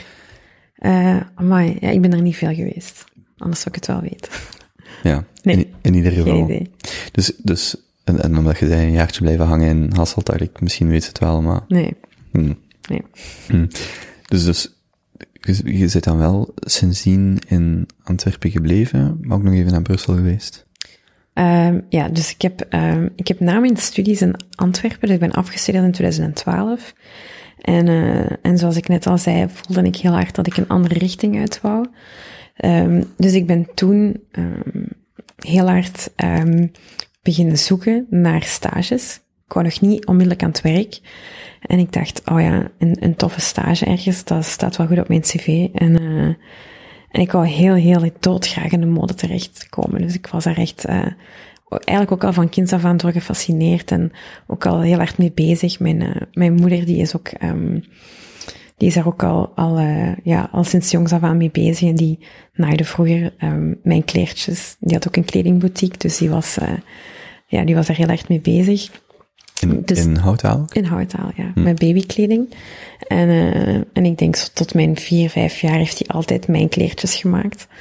Ehm, dus, eh, en ook, ik herinner mij ook... Maakt hij nu de babykleedjes? Nee, nee. Ze doet, het, het jammer is, ze doet dat niet graag. Mm. Ze doet het nu niet meer. Ze heeft het heel lang graag gedaan, maar ik denk dat het zo'n beetje een, een overload is geweest van, eh, van kleding maken. En dat ze daar zo wel even een degoe van heeft gekregen. Maar dus, eh, ik weet wel, als ik zo pas begon uit te gaan, dat we wel ehm, samen zo mijn topjes in elkaar staken en dat wij zo...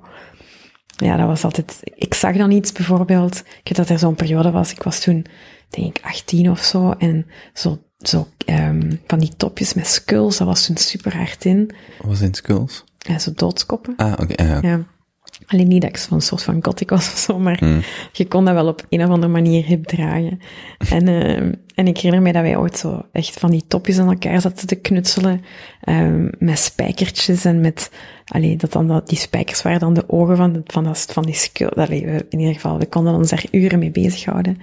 Ehm, dus eh, is, het, het, het- ik werd toen al heel hard, mijn mama is, is een heel creatieve en ik werd daar heel erg door geprikkeld van dat ook te willen doen.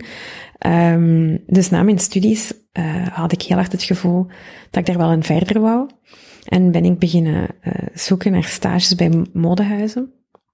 En ben ik random mijn cv naar, ik denk echt dat ik zeker 50 cv's heb uitgestuurd naar eh, modehuizen in Parijs, in Berlijn, in Milaan, in Londen.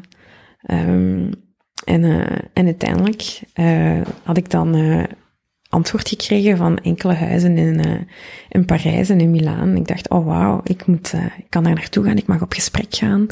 Dus ik was super blij en heel excited van, oh ja, ik kan, er, ik kan dat gaan doen. Dus ehm, en, En voor wat solliciteerde je dan? ja, als stagiair. Assistent Assistent. ehm, Ja, ja. ja, ik had gewoon een heel uitgesproken sollicitatiebrief geschreven dat mijn, dat mijn interesse en mijn motivatie zo groot was.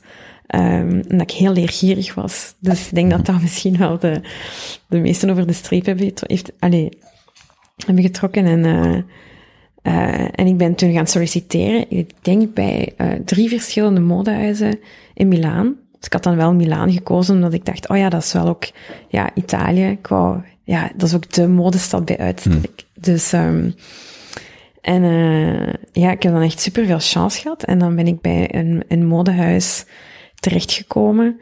En eh, daar mocht ik dan beginnen. Het welke? Eh, Paula Frani. Ehm, dat is wel een heel, allee, een heel, eh, het is echt een damesmerk.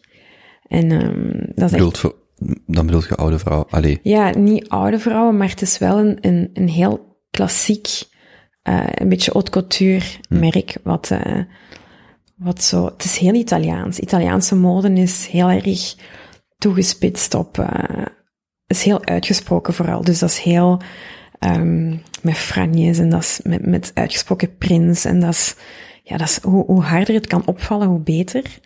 En, eh, en dat, dat modehuis was dat ook echt. Ehm, dus ik ben daar begonnen, eh, na mijn studies. Eh, en ehm, ja, ik dacht dat dat de ervaring van mijn leven ging zijn. En dat was het ook, een, dat was het ook uiteindelijk. dat was voor zes maanden als je ging. Ja, dat was voor zes maanden als ik ging. En eh, ja, dat was eigenlijk in het begin een vreselijke ervaring. Ik herinner mij dat ik na, na twee weken echt huilend mijn mama opbelde en zei van, ik kom nu naar huis, ik kan dit niet meer. Dat was echt... Maar voor de werklast? Ehm, nee, gewoon de, de, de, sfeer. Dus ja, je komt daar terecht. ehm, in een. ehm, ik, ik, allee, ik zal u even mijn eerste werkdag daar schetsen. Ik, eh, Ik heb, ik heb in mijn hoofd trouwens gewoon de Devil Wears oh, Prada. ik wou het net zeggen. Ja, ja. ik wou het net zeggen. Dus, Trouwens een zalige film. Oh, Ja, even tussendoor. top, zalige ja. film om gewoon eens nog eens te kijken. ah, wel, maar dus maar dat, dat dus had ik in mijn Dat hoofd. was het dus echt. Dat was echt real life The Devil Wears Prada. Dat was, dat ja, het kon, ik kon het gewoon echt niet beter. Ik had die film volgens mij toen nog niet gezien. Hm, die is van 2006, denk ik. Ah ja, ah, ja, dan had ik hem wel gezien. Misschien, misschien, ja. Maar die weet- was wel van de roer. Ah, ja. wel, ik had hem misschien toen, maar dat was echt dat. Ik herinner mij dat ik, eh, dus dat ik naar, naar Milaan trok en die sollicitatie op zich was supergoed. Dus dat, dat, ging heel vlot en ik kon twee weken later beginnen. En ik was heel blij. En ik begon, appartementjes te zoeken. En ja, mijn avontuur kon beginnen in het buitenland. Ik mocht bij een modehuis in Milaan beginnen werken als stagiair. Dat was echt, ik vond het einde. En, ehm, en ik kwam daartoe, ik herinner mij, ik moest vier metro's pakken. Ik moest vier keer overstappen. En, eh, en ik ben naartoe gekomen in maart, nee, in mei. Nee, nee, nee, in april. In april. En ehm, het was er al heel warm. En, eh, en ik had, eh, en ik had ehm, gewoon platte sandaaltjes aan en een, een casual, een lange rok en een topje, zo wat geknoopt. En ik had echt moeten spurten voor op tijd te zijn. En ik kom daartoe, eh, naar boven. Ik weet dat dat op de derde verdieping was, een super mooie locatie. Eh, en kwam naar binnen en daar zaten echt zo vier vrouwen op een rij. Super uitgedost, heel hun make-up perfect gedaan, hun haren heel mooi gekruld. En ik kom daar zo half bezweet toe, met zo, ehm, ja, helemaal buiten adem. Ehm, Oké, hello, um, yeah, this is my first day. En, um, en, en die, die keken echt zo allemaal naar mij. Die kwam daar zo precies binnengevallen en ik dacht van, wie zijt jij? Die, kwam, die waren dat precies al vergeten dat ik daar stage kwam doen.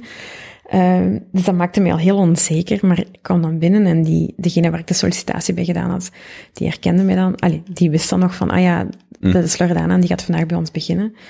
Maar die, die, uh, de, die er, allee, diegene die boven haar stond, die was er toen niet op de sollicitatie.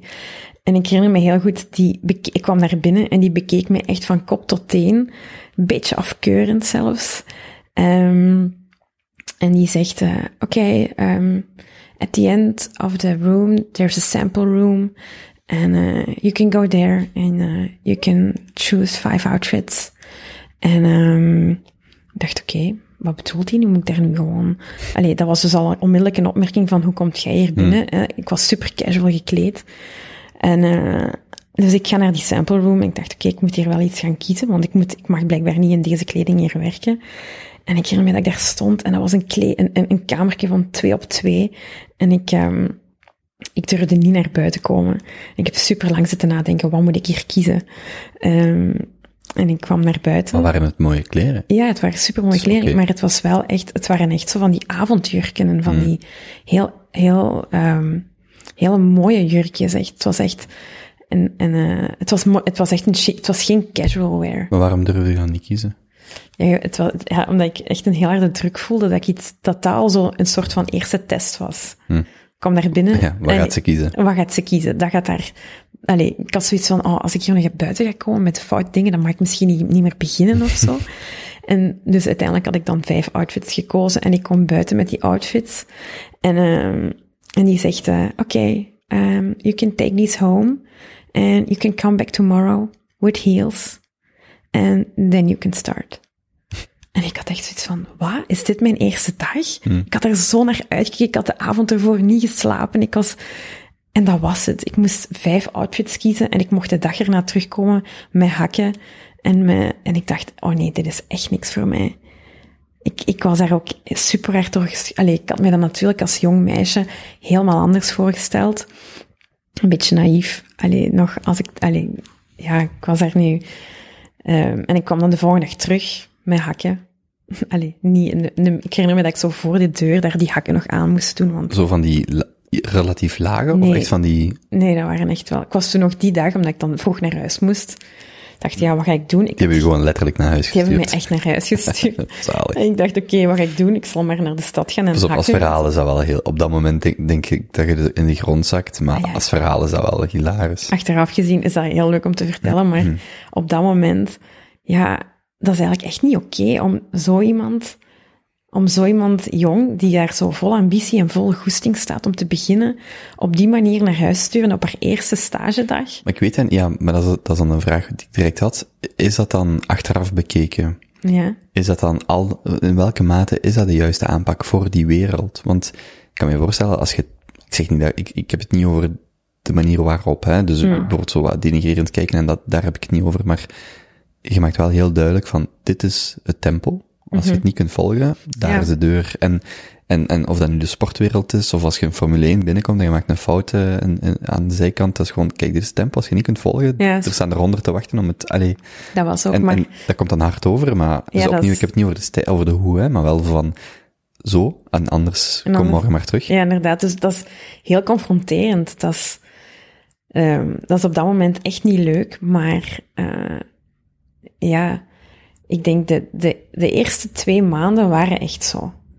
Of misschien, ja, de eerste maand zeker. Dus echt wel la The Devil Echt de devil, Prada. ja. Ik, de, ik, ik, allee, letterlijk, de eerste maand heb ik enkel koffie gezet. Ehm, wel heel goede Italiaanse koffie leren zetten. Mm. en dan eh lunchjes gehaald. En, eh, en ik herinner mij dat ik elke ochtend... eh, er was een, een krantenkiosk voor die showroom. En ik moest daar eh, elke ochtend de, alle magazines gaan kopen. En als ik daartoe kwam op, op, op, eh, op het kantoor, hadden die een hele grote plakboek. En ik moest uit alle magazines hun outfits plakken en in die plakboek plakken. Dat is echt wat ik de, de eerste maand er gedaan heb. En echt niks anders. Dus ik dacht, allee, wat moet ik hier nu? En ja, dus op zich voor mijn Italiaans was dat ook supergoed, want ik kwam natuurlijk van een soort, een, een, een basic Italiaans en ik kom ineens in, in een bedrijfsleven terecht waar dat, het, waar dat het niveau een beetje hoger, alleen niet een beetje hoger, wel echt veel hoger ligt.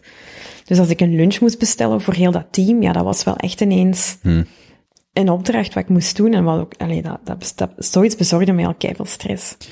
Een van mijn zaligste herinneringen in Brazilië is de eerste keer dat ik zelfstandig pizza bestelde. Ja, ja. En dat klinkt heel dwaas, maar als er dan iemand aan u vraagt, ah, en wilt je extra kaas, of wilt je een drankje bij, of wilt je dit, echt zo, want in uw hoofd heb je, oké, pizza, vier seizoenen, ik ga dat zo zeggen, die grootte van pizza, met kaasrand, oké, dat gaat lukken. En dan zo, ah, maar wij kunnen ook nog dit en dat, oh, oh, niet te snel, niet te snel.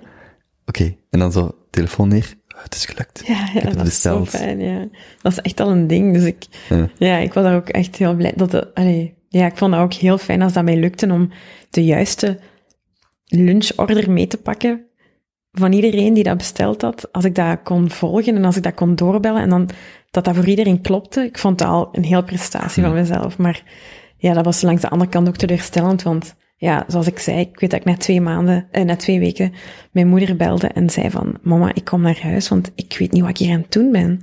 En ik herinner me dat mijn mama tegen mij zei, nee, we hebben nu appartement voor zes maanden gehuurd en je gaat er, je gaat, mijn mama heeft me echt wel heel hard gepusht om, um, om te blijven en ik ben er daar uiteindelijk ook heel dankbaar voor, want uh, na, na anderhalve maand leerde ik iedereen veel beter kennen en kreeg ik ook veel meer feeling met, met het merk en, uh, ja, en, en werd het contact ook veel beter en heb ik echt wel een, een heel nauwe samenwerking kunnen opzetten met de ontwerpster zelf en heel hard mogen meedenken.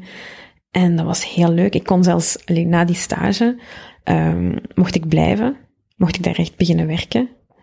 Um, maar dat was echt voor een super belachelijk laag loon. Hmm. Ik kon daar nog niet eens mijn appartementje van betalen in het centrum van Milaan. Dus ik dacht, uh, oké, okay, hoe ga ik dat doen? Ik wou dat heel graag aannemen, maar uh, realistisch gezien was dat gewoon niet haalbaar. Ik kon, dus dat was dan, ja, het was gewoon echt veel te moeilijk. Had je na die zes maanden wel het gevoel dat je er zo had uitgehaald, waar je er wou uithalen, of dat, dat het wel de moeite waard was? Ja, dat wel.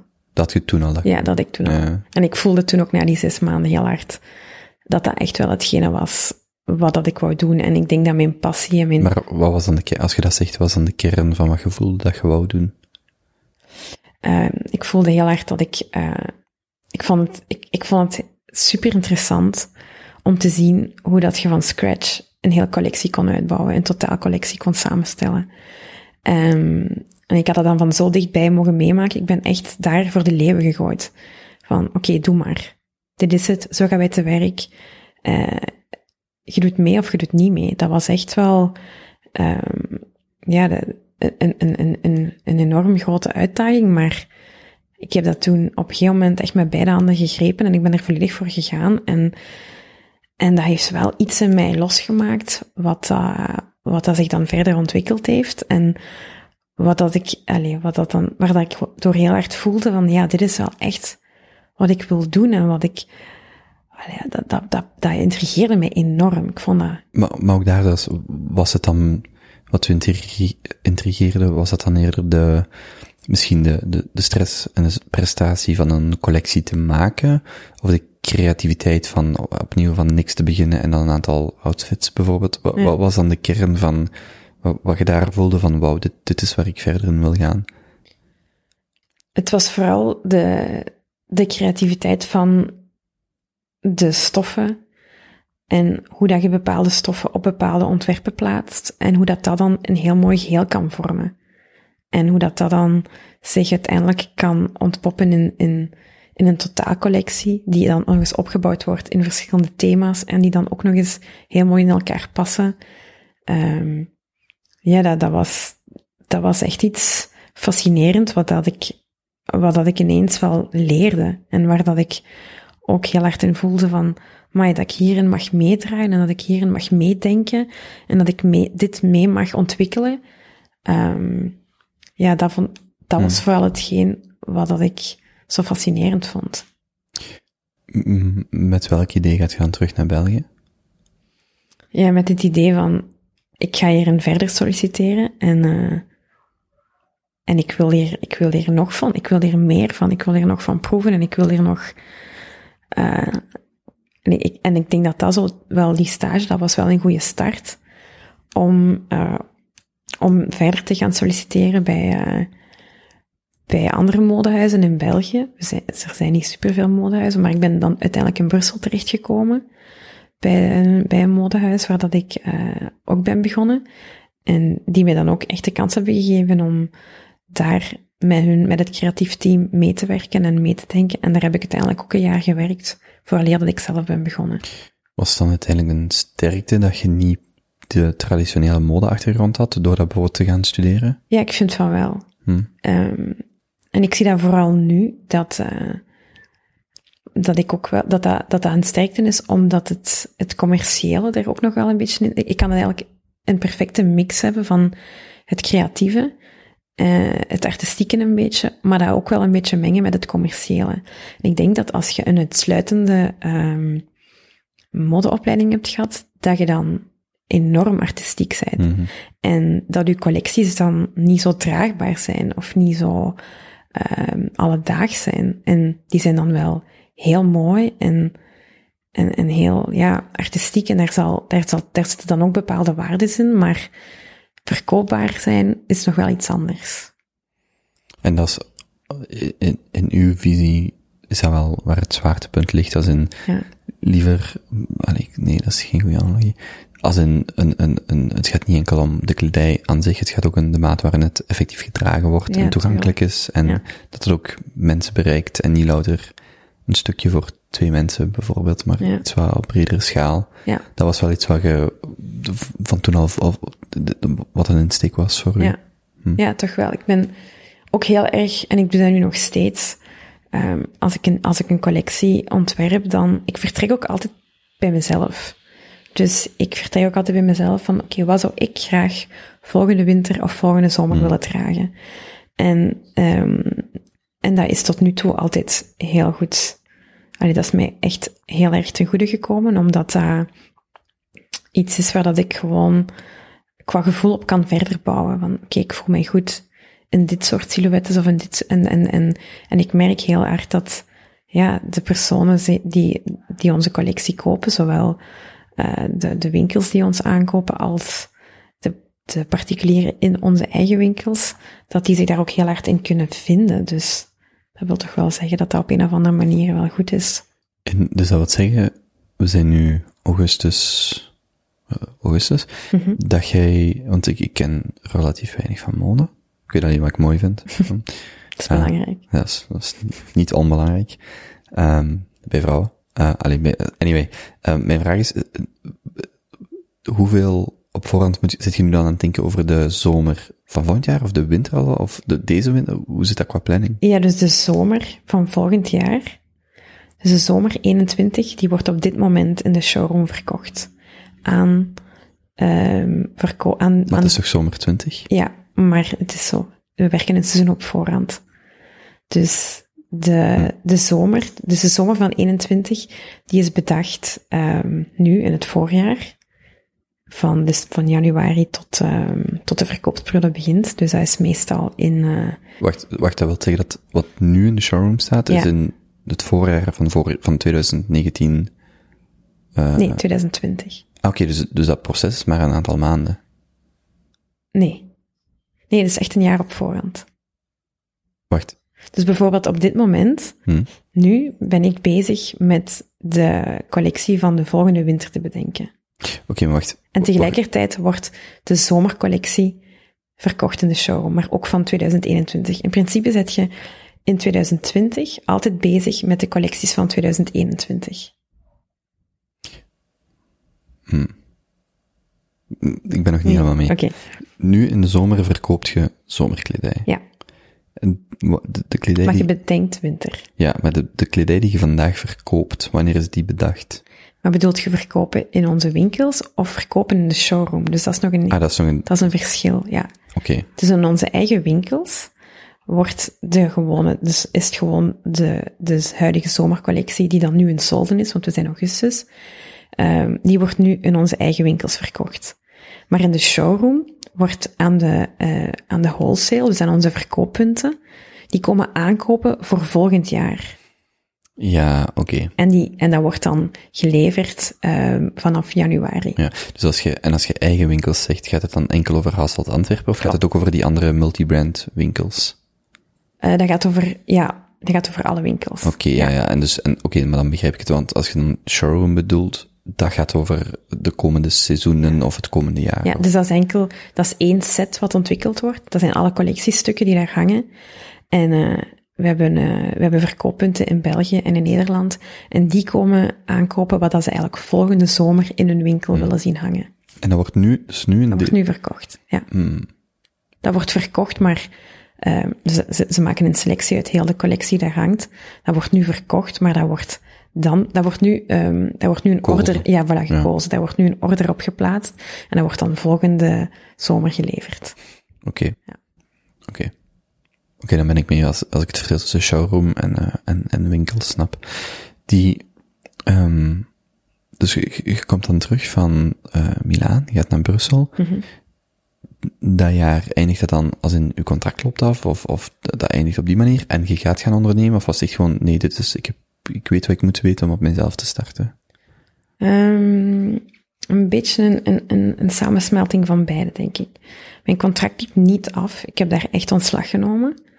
Um, ik had er een heel jaar heel hard gewerkt. En, uh, maar ik voelde heel hard dat, um, dat wat zij deden heel goed was. Maar dat ik ook heel veel dingen een beetje beter zou kunnen doen, ofwel op mijn manier zou kunnen doen. En ik voelde heel hard een drang om dat, om dat zelf te doen. Maar dat is natuurlijk wel um, heel moeilijk. En zeker in België. En ik wist totaal niet waar ik moest starten en hoe ik, alleen hoe ik in godsnaam een eigen modelabel uit de grond moest starten hier uh, in België. Dat was, dat was niet onmiddellijk het plan. Um, dus ik had na dat heel druk jaar, ik had beslist om, uh, om te gaan reizen. En, uh, en om naar, om naar Indonesië te reizen. Ik had, een, ik had drie maanden vrijgemaakt en ik dacht, oké, ik ga een, rondreis doen in Australië, in Indonesië, in Maleisië. En, um, en ik dacht, en een, een heel goede vriendin van mij zat toen, uh, ook degene waar ik mee op kot heb gezeten in Antwerpen, zat toen op dat moment ook in Indonesië. En, uh, en mijn, mijn kotgenoten van in Milaan, eentje daarvan woonde in Australië, dus ik dacht, oh ja, ik ga een fijne tour doen en ik ga iedereen bezoeken. En dat heb ik uiteindelijk ook gedaan. En ik ben, uh, ik ben uh, vertrokken in november en ik ben teruggekomen in februari. Dus ik ben zo'n dikke drie maanden weg geweest. En, um, en dat waren wel ook echt vakantiemaanden. Dus ik ben wel echt uh, naar Bali getrokken, naar Australië getrokken. Um, en in Indonesië rondgetrokken. En, um, en dat was, ja, ik vond dat heerlijk. En dat was voornamelijk als zo decompressie van dat jaar in Brussel, ja. van dat druk jaar, gewoon een aantal maanden op jezelf. Ja, echt een aantal maanden, um, ja, een beetje tot rust komen, maar ook gaan ontdekken en um, alleen een beetje alleen reizen, dat, dat, ja, alleen naar de andere kant van de wereld trekken. Daar uh, was ook al iets wat ik al heel lang wou doen. En dat was precies zoiets uh, wat er dan nog bij kon. Dus ik had dan in het buitenland gewerkt. Ik kwam van Milaan. Ik had terug een jaar in Brussel gewerkt. Um, en uh, ja, ik had wel echt zin om ook nog wel dat in mijn, in mijn leven te doen. En, uh, was dat de eerste keer dat je buiten Europa ging? Ja. Ja, ja dat was de eerste keer dat ik echt alleen, ook, echt ook alleen wegging. Mm. Alleen buiten Ja, Milaan. Milaan was ook wel alleen, ja. Um, maar alleen zo ver weg, ja, dat was wel de allereerste keer. Um, en ik vond dat echt heerlijk. Uh, dus ik ben, uh, ik ben naar daar gegaan en uh, ik ben naar Bali gegaan. Uh, dat was mijn eerste stop. Nee, Singapore was mijn eerste stop. Ik ben eerst naar Singapore gegaan. En dan ben ik doorgegaan naar Bali. En dan ben ik daar um, bij mijn beste vriendin, allee, een van mijn beste vriendinnen, gaan, um, gaan logeren. Die daar toen op dat moment ook al even zat. Ook al een halfjaartje zat. Um, en dan ben ik doorgereisd naar Australië en dan ben ik daar bij, um, ook bij een vriendin geweest die dan met mij in Milaan studeerde. En dat, um, ja, dat was allemaal heel leuk. En uiteindelijk hebben zich daar wel echt de eerste plannen ontwikkeld van, van Wearable Stories om dat op te starten. Ik weet dat ik daar destijds ineens wel superveel mogelijkheden zag. Ik zag heel veel jonge ondernemers die daar, uh, veel expats die daar werkten. En uh, dat, wa dat, waren dan vooral Australische vrouwen en die daar um, in, in de kleding zaten. En ineens zag ik wel heel veel mogelijkheden en ik zag hoe dat die dat aanpakten. En uh, ja, en ik dacht, maar dat, dat was wel precies een, een soort van, allee, ik geloofde toen ook heel hard in wat dat moet zijn. Moet ook zo, moet, moet uiteindelijk wel op je pad komen. Nu nog steeds, maar toen wel nog iets harder, omdat, um, omdat dat zo wat de flow van, van dat moment was. En um, ja, en, en, en uiteindelijk met heel veel mensen gepraat daar en, en heel veel verhalen gehoord van hoe dat ze zijn opgestart en op welke manier en waar dat de, de goede kledingmakers zijn, de goede ateliers liggen, waar dat de juiste stoffenmarkten zijn. Ehm, Allemaal in Bali? allemaal in Indonesië? Bali. Nee, echt in Bali. Bali. Hm. Ja, echt in Bali. Ik ging eigenlijk nog een andere, ik ging eigenlijk zo de laatste maand, wou ik nog andere dingen doen eh, dan Bali. Maar ik ben uiteindelijk op Bali blijven hangen. Ik heb de rest niet meer gedaan. Maar dat was dan voornamelijk, als je Bali zegt, op die leeftijd, dan is, denk ik dat je vooral aan het strand denkt en dergelijke. Maar voor u was dat wel echt een stukje prospectie en, en, en Ja, dat was, dat was niet mijn intentie. Dus dat was, wacht, strand was niet uw intentie, of prospectie was prospectie was Ja. niet mijn intentie. Het was, eh, mijn intentie was, ik ga er drie maanden tussenuit en ik ga terugkomen en ik ga verder werken in Brussel. Zo ben ik vertrokken. Je had iets à la onbepa onbetaalde Ja. vakantie. Ja, ik had even gewoon, eh, ik had ook een heel jaar doorgewerkt zonder één verloofdag te nemen, dus ik had ook wel wat eh, overschot. En ik had het dan ook kunnen regelen dat ik langer weg kon blijven. Ehm, dus dat was echt niet mijn intentie. Het is echt gewoon op mijn pad gekomen. En ehm, ja, ik zeg het, ik ging normaal gezien echt nog Maleisië doen en ik ben gewoon op Bali blijven hangen, omdat daar precies eh, iets was wat ik verder wou ontdekken en wat ik uiteindelijk ook gedaan heb. Dus ehm, ik herinner mij dat wij ehm, destijds eh, naar stoffenmarkten zijn beginnen gaan, gewoon puur uit interesse, gewoon eens even kijken wat dat daar, zo, wat dat daar is. En echt gewoon begonnen met, oh maar ik ga eens een topje maken voor mezelf, met een mooie stof die ik zie. Eh, en dat dan gewoon laten ontwikkelen door lokale kleermaaksters.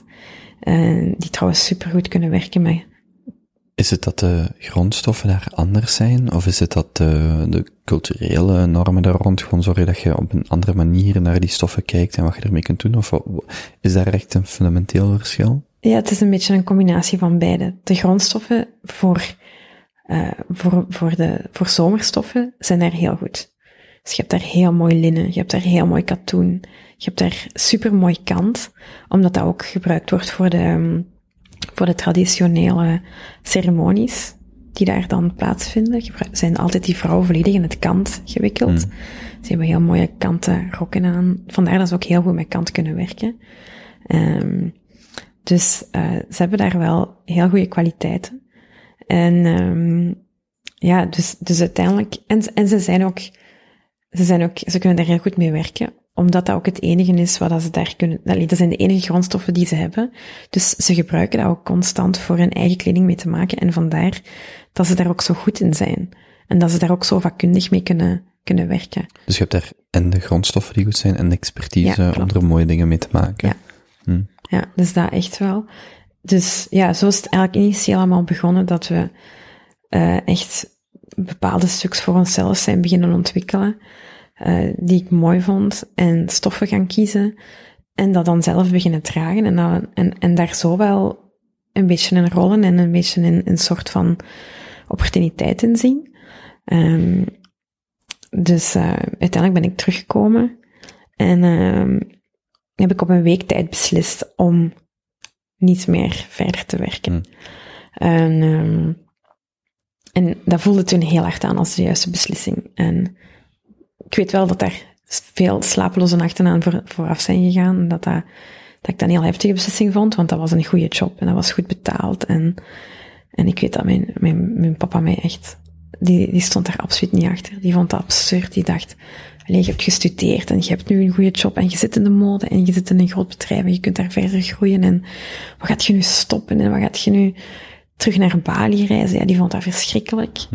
Eh, mijn mama, die had dan, eh, Zoveel geïnvesteerd in die studies, dat kot betaald, of zo. ja, en dan dat ook, ja. gaat hij ook nog, oh nee, Dan gaat hij naar Bali, die hadden er echt, ehm, ja, die, had ik maar twee zonen. die zagen het echt niet goed komen. Hmm. Eh, alleen mijn mama wel. Mijn mama heeft mij echt wel, allee, mijn papa ook, hè, maar mijn mama heeft wel altijd, eh, die kon dat een beetje rationeler aanpakken. En, en een beetje, Ja, of wel loslaten. Of, wel, ja, ja, Misschien van dat idee van, dat ze van u hadden, misschien wel vanaf stappen Ja. of zo. ja, Komt wel goed. ja, die dacht, oké, wat, wat, wat is het plan? Hmm. Wat is uw plan? En, en ik denk dat hij op een gegeven moment ook door had van, amai, ze is, ze is serieus. Hmm. Want ik had dan zelf een financieel plan uitgewerkt en zelf een businessplan een beetje in elkaar gestoken. En ik herinner me dat hij toen tegen mij zei van, oké, dat ziet er goed uit, maar als je er echt mee verder wilt, dan moeten we wel even naar een boekhouder gaan. En dat is een beetje laten onderbouwen en laten Wat was dan initieel dat plan, of hoe had je dat in je hoofd, als je terugging naar Bali? Of, of in die periode dat je dat plan maakte, of dat dat zich kristalliseerde? Eh, Ik bedoel het financieel plan of het, Ja, Of dus, dus je gewoon zit het die, plan in het algemeen. je zit die drie, vier maanden in Bali, je komt Ja. terug, je geeft je ontslag, maar ondertussen zit je aan het nadenken over wat daar een plan kan zijn. Ja. Hoe, wat, waren, wat waren daar de, de bouwstenen van, of hoe zag je dat op dat moment? Op dat moment, eh, ik had dan echt wel mijn hart verloren in Bali. En eh, op dat moment zag ik het ook volledig zitten om daar terug naartoe te gaan en om daar echt iets uit te bouwen. Ook, ook te gaan wonen? Ook te gaan wonen, ja. Wat uiteindelijk ook gebeurd is. En, ehm en dat vooral omdat eh, de, het, de leefkosten is daar enorm laag. Ehm, je kunt daar eh, goedkoop wonen, je kunt daar goedkoop leven. Eh, en, en je hoeft niet in te boeten voor... ehm allee, je kunt daar op een mooie plek wonen, je kunt daar goed eten en je hoeft daar geen enorme sommen voor te betalen. En ik denk dat dat eh, een goede start was om te beginnen met, eh, met mijn eigen kledinglijn, omdat em, ja, je, kon al de rest van je budget of al de rest van je spaarpot daarin in, in, in de stoffen steken en in de expertise steken en in de ontwikkeling daarvan steken. En, eh, en je, je hoefde dat niet te steken in, in, in een appartement te huren. Of, ja, je moest dat wel doen, maar dat is gewoon, de kosten is gewoon veel lager. Plus in uw idee was de afzetmarkt ook Op Europa, België, Ja. België, ja, ja. Ja. Hm. Dus um, ik ben teruggegaan. En Anke, die, um, degene waar ik mee gestart ben, uh, die, die zat daar toen ook, die was er nog steeds, die was niet Dat was ook die kotgenoten. Ja, dat is ook Ja, een kotgenoot. ja. En dat is ook al, allee, we zijn met een vriend, vriendinnengroep van vier en uh, dat is eentje van de vier die, uh, dus we zijn met drie op kot gegaan. En dan is zij gaan reizen in Bali en dan ben ik uiteindelijk met haar gestart. Dus um, ik ben teruggekomen en ik ben echt naar haar toe gegaan. En allee, allee, we hadden al zelf dat, we hadden zelf, toen ik daar al op reis was, die eerste drie maanden, had ik, hadden we zelf al die plannen wat gesmeten. En, maar dat was helemaal niet concreet. Dat werd gewoon zo wat in het wilde weg um, gefantaseerd en, en ideeën. En, en we, we, ja, we konden echt avonden door brainstormen van, oh, we gaan dit doen en we gaan dat doen. Maar ik denk, toen ik naar België ben gekomen en toen ben teruggekomen naar Bali, dat ik echt wel een concreet plan had. En ik ben dan ook naar de boekhouder geweest, dus ik had echt wel dingen waar we mee verder konden. En, uh, en ik ben teruggekomen en, en gezegd van, oké, dit is het. Gaan we, hiermee, gaan we hiermee beginnen of niet? En die is onmiddellijk akkoord gegaan. En ja, we zijn gewoon gestart. We zijn, uh, we zijn begonnen met, ik denk, zes, zeven kleermaaksters. Alle kleine teams van kleermaaksters uit te testen. Uh, we zijn naar lokale stoffenmarkten gegaan. Um, en, uh, en we zijn begonnen, beginnen met zoeken wat, wat, wat wij vonden dat het beste, wat het beste bij ons paste. En initieel is daar een beachcollectie uitge, uitgekomen. Dus um, die we dan ook daar verkochten. Dus we hadden daar wel echt een afzetmarkt. Hm. Aan die Australische, of die expats, ja. die, die luxe, allee, ja. niet per se de lokale bevolking, maar... Nee, nee, zeker hm. geen lokale bevolking. Het, was, het waren echt wel winkels van, uh, ja, dat waren dan Australiërs en, en allee, Zuid-Amerikanen. Daar zat vooral, daar zat een heel grote Australische community op Bali, maar ook wel heel veel Zuid-Amerikanen. En die hadden dan, uh, ja, die hadden op de hippe plekken. Nu is Bali, ik denk, uber hipster. Hm. Dat was toen destijds nog niet. Zes jaar geleden was dat nog een klein beetje low-key. Dat was nog niet zo gelijk het nu is. Um, dus daar waren nog wel... Uh, ik woonde toen in Canggu. En, uh, en daar waren heel veel uh, lokale... Nee, sorry, geen lokale winkels, maar dus um, winkels van buitenlandse... Die dan echt voor de toeristen bedoeld waren. En we verkochten daaraan en we verkochten aan hele mooie boutique hotels die ons dan, uh, ja, die hadden dan in hun hotel een kledingwinkel, zoals je ziet. Ja, het was er, waren geen handdoeken of zo bijvoorbeeld voor, of, of, of uh, kamerjassen of wat dan ook. Het was echt een winkel in een hotel. Ja, ja, ja dat is echt, ja, je ziet dat wel vaker in zo van die grote hotels, dat die dan ook zo'n soort van uh, klein boutique hebben waar dat die zo wat strandkledij aanbieden. En uh, dat was ook hetgene. Dus ons, ons initiële plan, of de allereerste collectie, was dus uh, beach cover-ups. Dus dat zijn zo van die mooie uh, kanten, ja, kant met katoen en kant met linnen hadden wij gecombineerd. En dat waren um, tuniekjes en jurkjes die je over je bikini kon aantrekken op strand. Dus zo, ja, vrouwen op zich die die lopen niet heel graag. Allee, jawel. Maar je loopt wel graag met de bikini op strand, maar het is ook fijn om als je iets wilt gaan bestellen aan een strandbar, dat je zo even iets over je bikini kunt aandoen. Ehm, en de eerste collectie, die bestond enkel daaruit. En dat ging eigenlijk wel heel goed. Eh, wij verkochten in, eh, wij verkochten in, eh, in Bali. En we hadden ondertussen ook een website gebouwd. En, en toen begonnen ook wel bestellingen vanuit België binnen te komen. Maar ja, dan zit je daar natuurlijk in Bali. En dan krijg je bestellingen vanuit België. Dus dat waren al zo de eerste... Allee, dat was dan het eerste moeilijke gegeven van... Oké, een bestelling opsturen, dat duurt drie weken. Hmm. Ja, niemand wil drie weken op een bestelling wachten. Hè. Dat is gewoon niet, niet zo evident. En dan gaat je het afhalen bij Bipost en dan zo, ah, dan kun je nog deze importbelasting betalen. Nee, nee, dat was geregeld. Dat moest Ah, oké. Nee, nee, dat was ook, dat was, eh dat was tax-free. Maar, ehm ja, gewoon, dat is helemaal niet praktisch. En als je dan met een retour zit, dan kun je dat nog eens drie weken terug, allee, ik moet het niet uitleggen, je weet wel wat ik bedoel, dat was niet, niet, eh, niet zo evident. En, ehm en op een gegeven moment, eh zijn we dan, eh zijn we dan gecontacteerd geweest door een programma, door Canvas, die een programma maakte van, van jonge ondernemers, ehm in het buitenland. En dan, en zijn we op dat programma gekomen en die, volg, daar is een, daar, die zijn ons komen volgen in Bali. Die zijn dan tien dagen een reportage komen filmen over hoe dat wij daar te werk gingen in Bali. En, eh en ik herinner me dat dat toen werd uitgezonden in België en dat wij dan tegelijkertijd onze launch deden van die nieuwe collectie. En eh ja, dat ging supergoed. En eh uiteindelijk dachten wij, oké, als we hiermee verder willen, dan wordt het wel heel moeilijk om dat vanuit Bali te managen. Ondertussen zijn we een jaar verder, hè, dus ik heb nu een tijdsprong gemaakt van, van een jaar. Maar dat was vooral omdat je wou focussen op die Belgische en Europese markt en niet louter die Balinese. Ja, Balinese.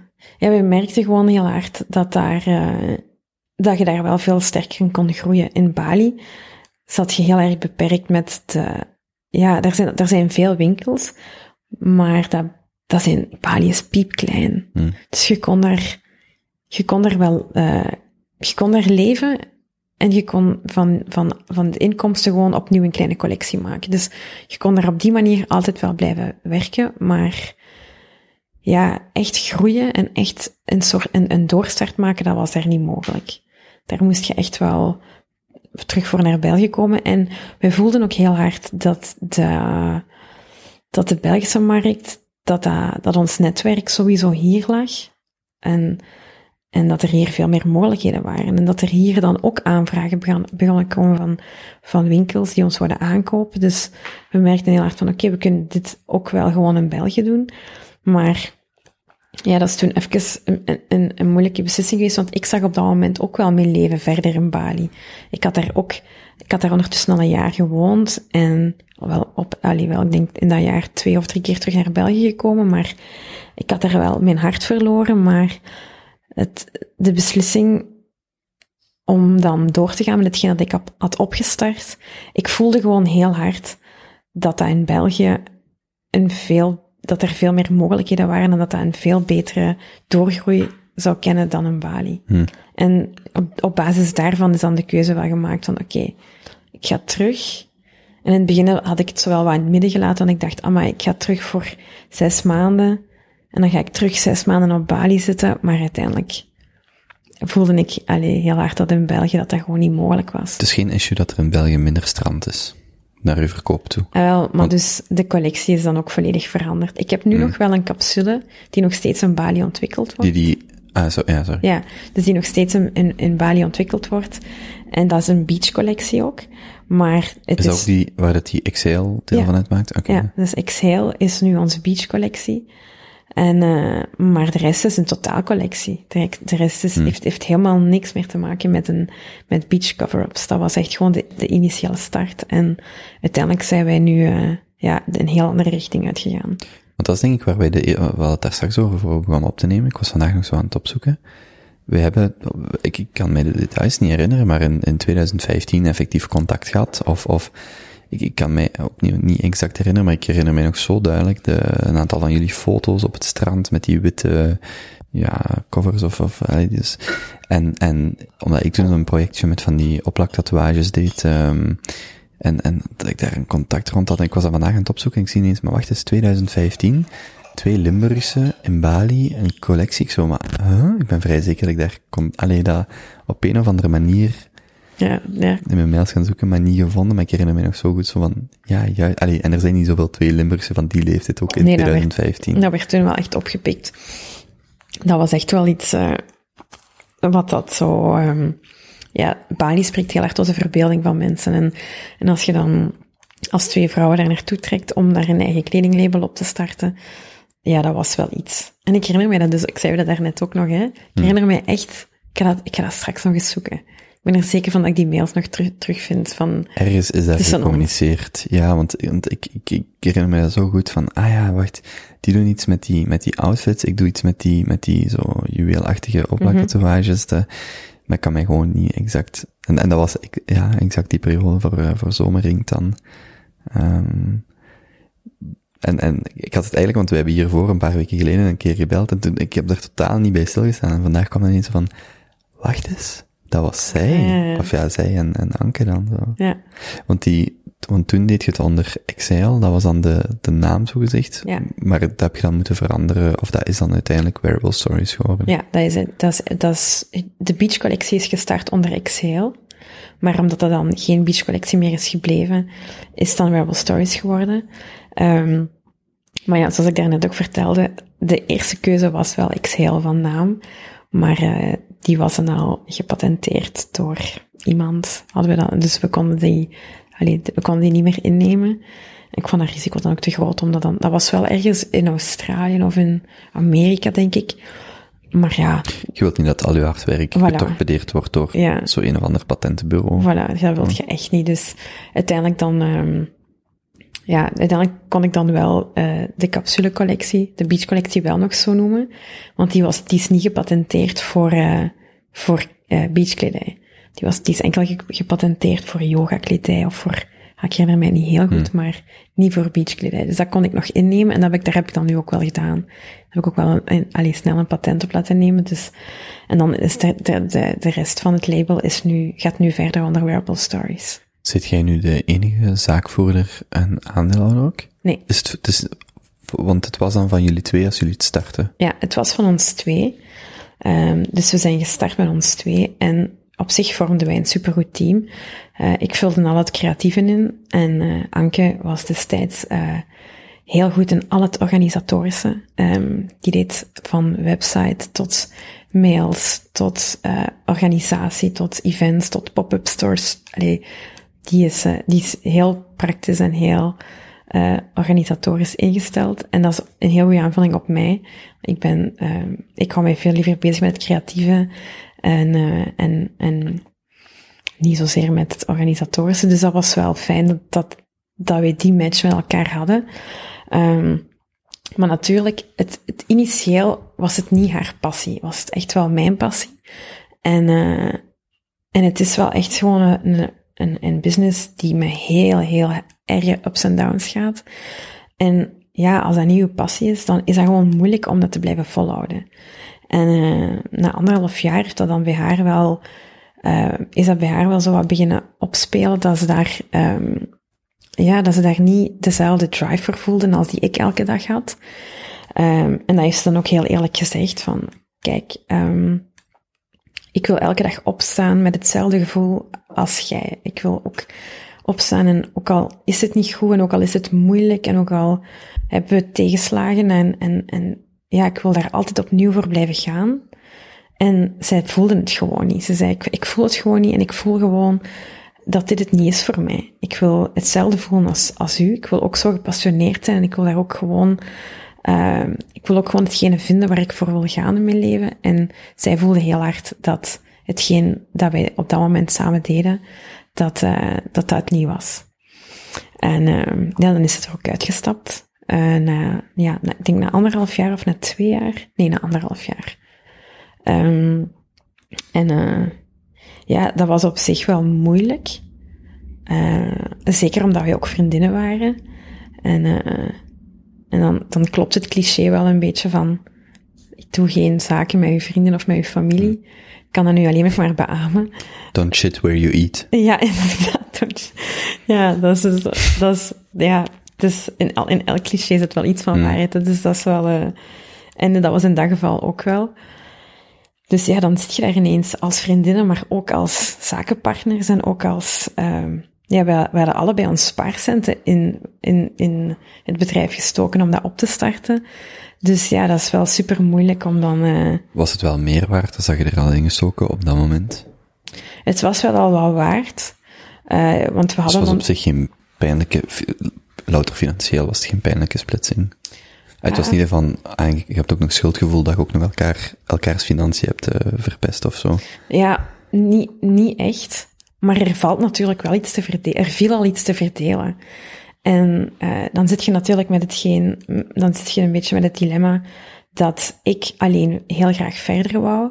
En dat ik dan op dat moment al hetgene wat er nog in zat kan gebruiken. Maar zij wou iets anders doen en, en zij wou opnieuw gaan, eh, gaan studeren en iets anders, een andere richting uitstaan, waar zij ook wel centen voor nodig had. En die ze dan natuurlijk uit, uit, uit de zaak wou nemen. En dat was dan wel, ehm, ja, dat was dan wel even een moeilijke kwestie om te verdelen. Maar ja, we zijn er uiteindelijk wel goed uitgekomen. Het is, het is, eh, het is even moeilijk geweest. Ehm, ja, zoals ik net al zei, die vriendschap komt dan ook ineens op spel te staan. En, ehm, en dat, dat vond ik wel heel moeilijk. En dat vond ik ook wel, dat is ook even pijnlijk geweest. Maar dat is nu volledig terug goed. Op dat moment zit je 27, dat is 2015, 16. Eh, ja, 2015, Ja, 16. Ja. zo 7, 28. Ja. Ja. Maar dus vandaag, want hoe, hoe is dat dan geëvalueerd? Van, dus, dus Excel, je mocht die naam niet gebruiken. Je start het met twee op, uiteindelijk wordt het dan Wearable Stories. Ja. En jij leidt het volledig? Of is er dan, is er dan een investeerder gekomen Ja. om maar uit te kopen? Nee, dus zij is er eerst, dus ze is eruit getrokken. En, eh en, ehm allee, ze is eruit gestapt. Niet eruit getrokken, maar ze is eruit gestapt. En, ehm en ik, ik heb dan even alleen verder gedaan.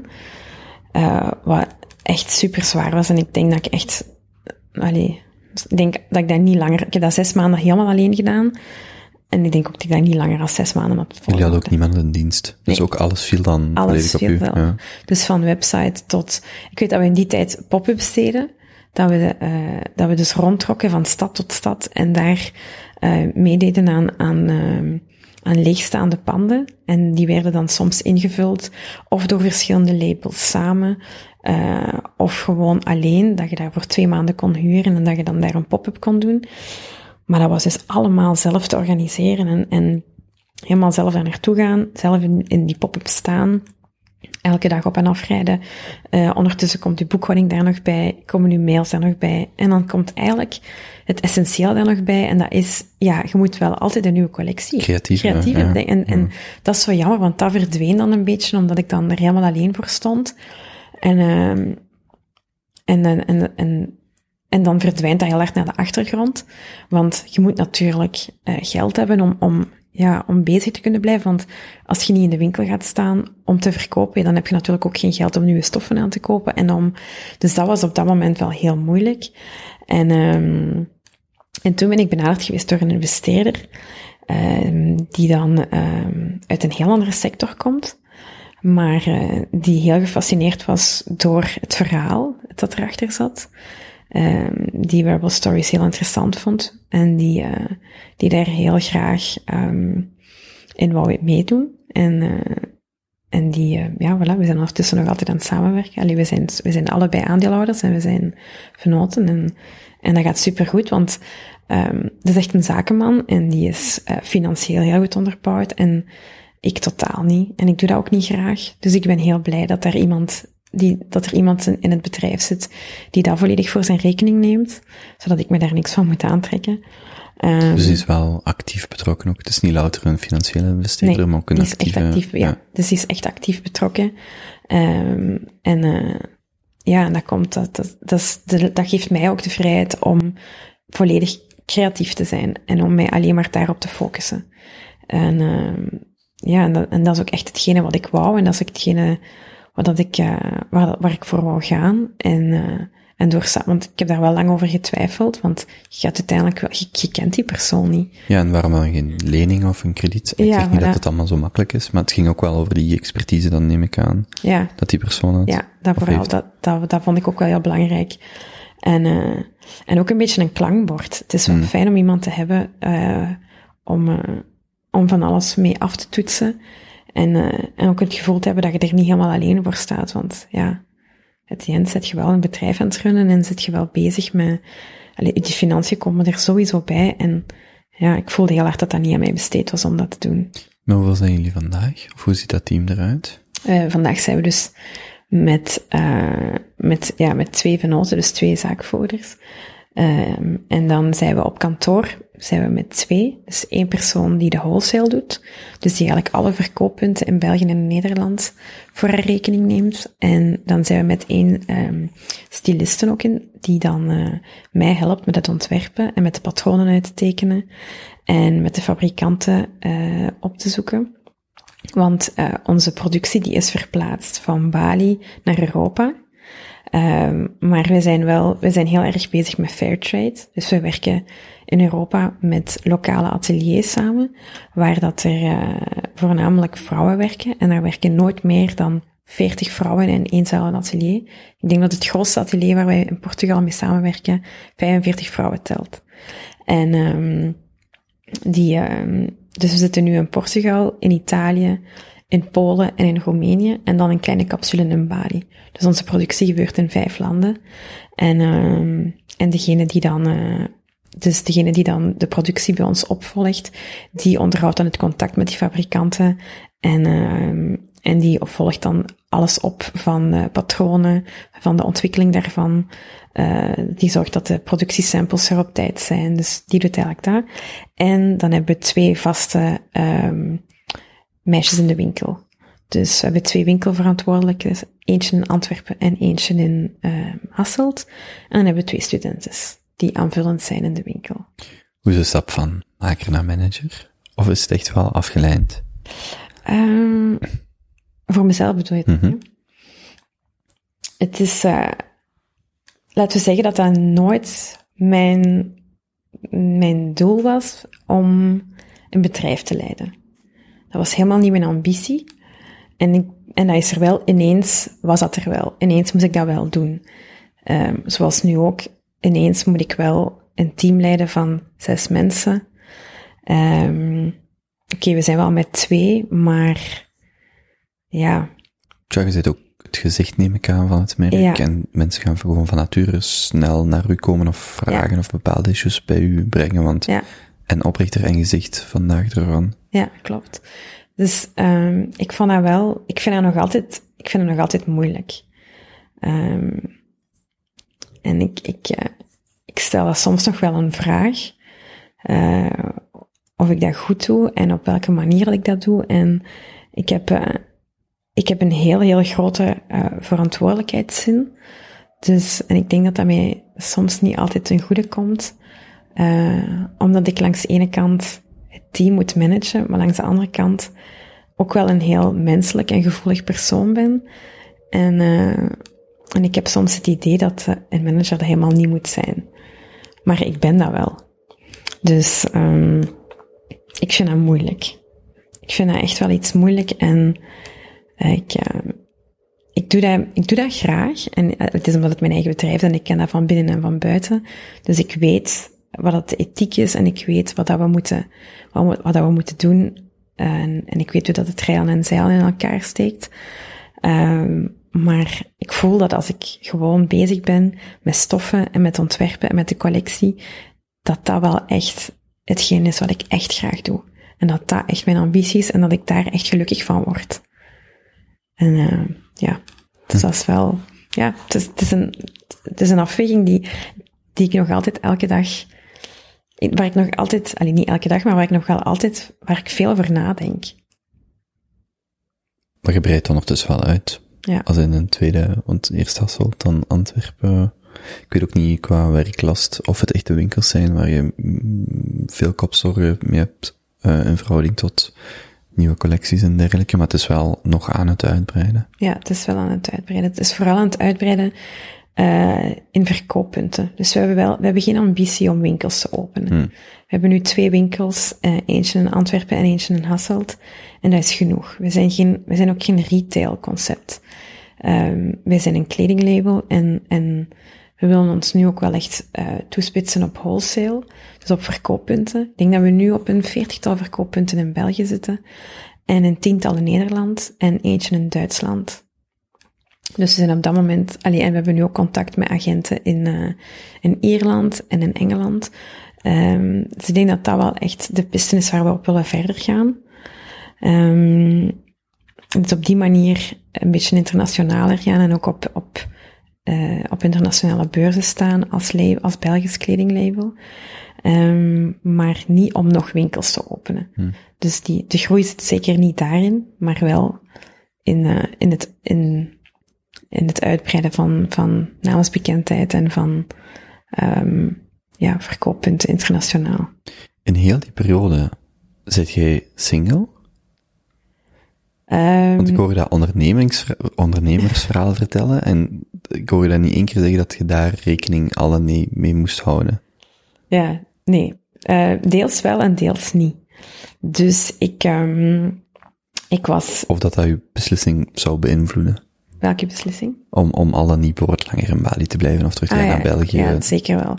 Ik herinner mij, dus het- toen ik, ehm, toen ik daarnet sprak over het feit dat ik naar Bali ben vertrokken, eh, voor drie maanden, eh, dus die eerste reis echt, ehm, het, was, het was daarvoor dat ik eigenlijk mijn relatie eh, van toen zes jaar heb opgezegd. Ah, echt? Ja, gestopt. Allee, dat dat, dat, dat, dat die gestopt is. En Wacht, die is gestopt en je bent naar Bali gegaan of je ging naar Bali.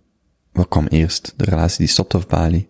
Eh, nee, dat viel samen. Ik ben de relatie is gestopt, maar ik had wel al in mijn hoofd om naar Bali te vertrekken.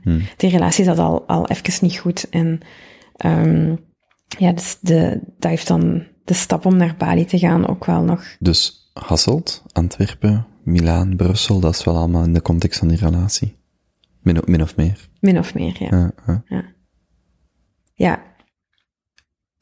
Ja, dat wel. Dus, eh, dat, en, en die is dan gestopt voordat ik naar, eh, naar Bali vertrok. Dus dat was echt wel een enorm gevoel van vrijheid. Ik herinner mij dat ik naar Bali, dat ik, toen ik voor de tweede keer terug naar Bali ging, eh, toen had ik dan ook mijn job opgezegd. Dus ik ging terug en ik had geen job. Ik had mijn autootje verkocht. Ik had mijn appartement opgezegd. Eh, mijn relatie was toen ook al, al, al drie maanden gedaan. Dus ik, ik had ze echt no strings attached. Ik kon gewoon Hm. doen wat ik wou. Dat was, ik, ik herinner mij dat nog steeds als een enorm gevoel van vrijheid. En ik vond dat zalig. Ik vond dat echt heel, heel, heel bevrijdend. En, en ehm, ja, en ik denk dat dat ook daarmee ook heel veel ruimte in mijn hoofd gecreëerd had om te doen wat dat ik wou doen en om te ontwikkelen wat dat ik, ja, waar, wat dat ik nu ontwikkeld heb. Dus dat is wel iets wat ik, ja, waar dat ik echt me, met heel veel, met een heel warm hart en met heel veel liefde op terugkijk. En ik vond het, ik vind het nog steeds echt de, de beste beslissing van mijn leven. Want ja, dat is toch wel... Je bedoelt de samenloop van die Ja, omstandigheden. de samenloop van Mm. al die... En daarmee dat ik ook heel hard geloof dat dat op dat moment ook allemaal zo is moeten gaan. En ik ben niet, ik ben niet eh, heel hard bezig met spiritualiteit of zo, maar ik geloof wel dat dingen moeten gaan hoe dat ze gaan en, en dat, dat er van alles op je pad komt als het erop moet komen. En ik denk dat zeker dat het stopzetten van mijn werk, van mijn relatie en het vertrekken naar het buitenland, dat dat wel allemaal in die volgorde zo is moeten gaan. Dat dat wel, ja, mij ook, eh, mij ook als persoon gevormd heeft.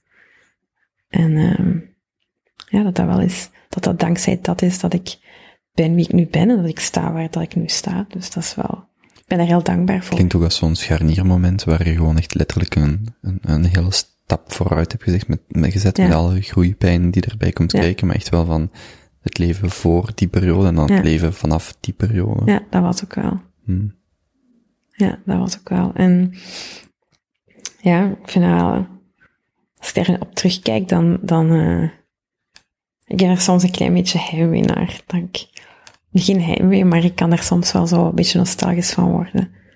Omdat ik dat wel een, een periode vond die ik, eh, ja, dat was, dat was, dat was, zoals ik net zei, dat dat, dat gevoel van vrijheid en, de gevoel, en, en het gevoel van ehm, te kunnen doen wat dat je wilt doen en, en echt nog zo in die startblokken staan daarvan.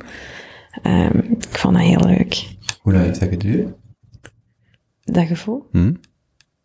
Of die Ja, toch wel een jaar. zo die, ja, toch een Ja, jaar. toch een jaar. Echt het heel... En, en werd je daar zelf ook op dat moment van bewust, of is dat eerder retroactief? Ja, dat is toch wel retroactief. Ja, Ja, ja. dat is jammer, hè? Want ik denk, als ik daar nu op terugkijk, dan, dan denk ik vaak, ah, maar ik had er toen nog bewuster van. Ik heb daar zeker van genoten, hè? Maar ik denk dat ik er, als ik eh, met wetenschap, wat dat ik nu allemaal weet, dat ik daar dan nog meer van zou hebben genoten. Dus, ja. Dat heel hard met dat jaar in Brazilië, eh dat uitwisselingsproject. Ik zeg dat vaak als ouders of, of mensen mij daarachter vragen. Ik zeg, het maakt eigenlijk niet uit waar uw kind naartoe gaat, vind ik. Maar voor, in mijn ervaring, want ik, eh, dus als ik later in Hamburg woonde of in Wenen, dat jaar na het middelbaar, dat was, denk ik, als ik daarop terugkijk, maar ik had op dat moment ook niet door, Ehm het, dat was letterlijk het meest zorgeloze jaar uit mijn leven, omdat je gaat op uitwisselingsproject en je moet daar eigenlijk heel weinig doen qua school en dergelijke, in, in dat geval. En ook, je, je komt terug, je gaat verder studeren Ja. en, en je leven dat is echt gewoon, terwijl na je studies, en je gaat dan misschien naar het buitenland of iets anders, maar je denkt toch al, ja, maar wat laat ik achter en Ja. hoe past dat binnen mijn carrière en mijn idee dat ik van mezelf heb.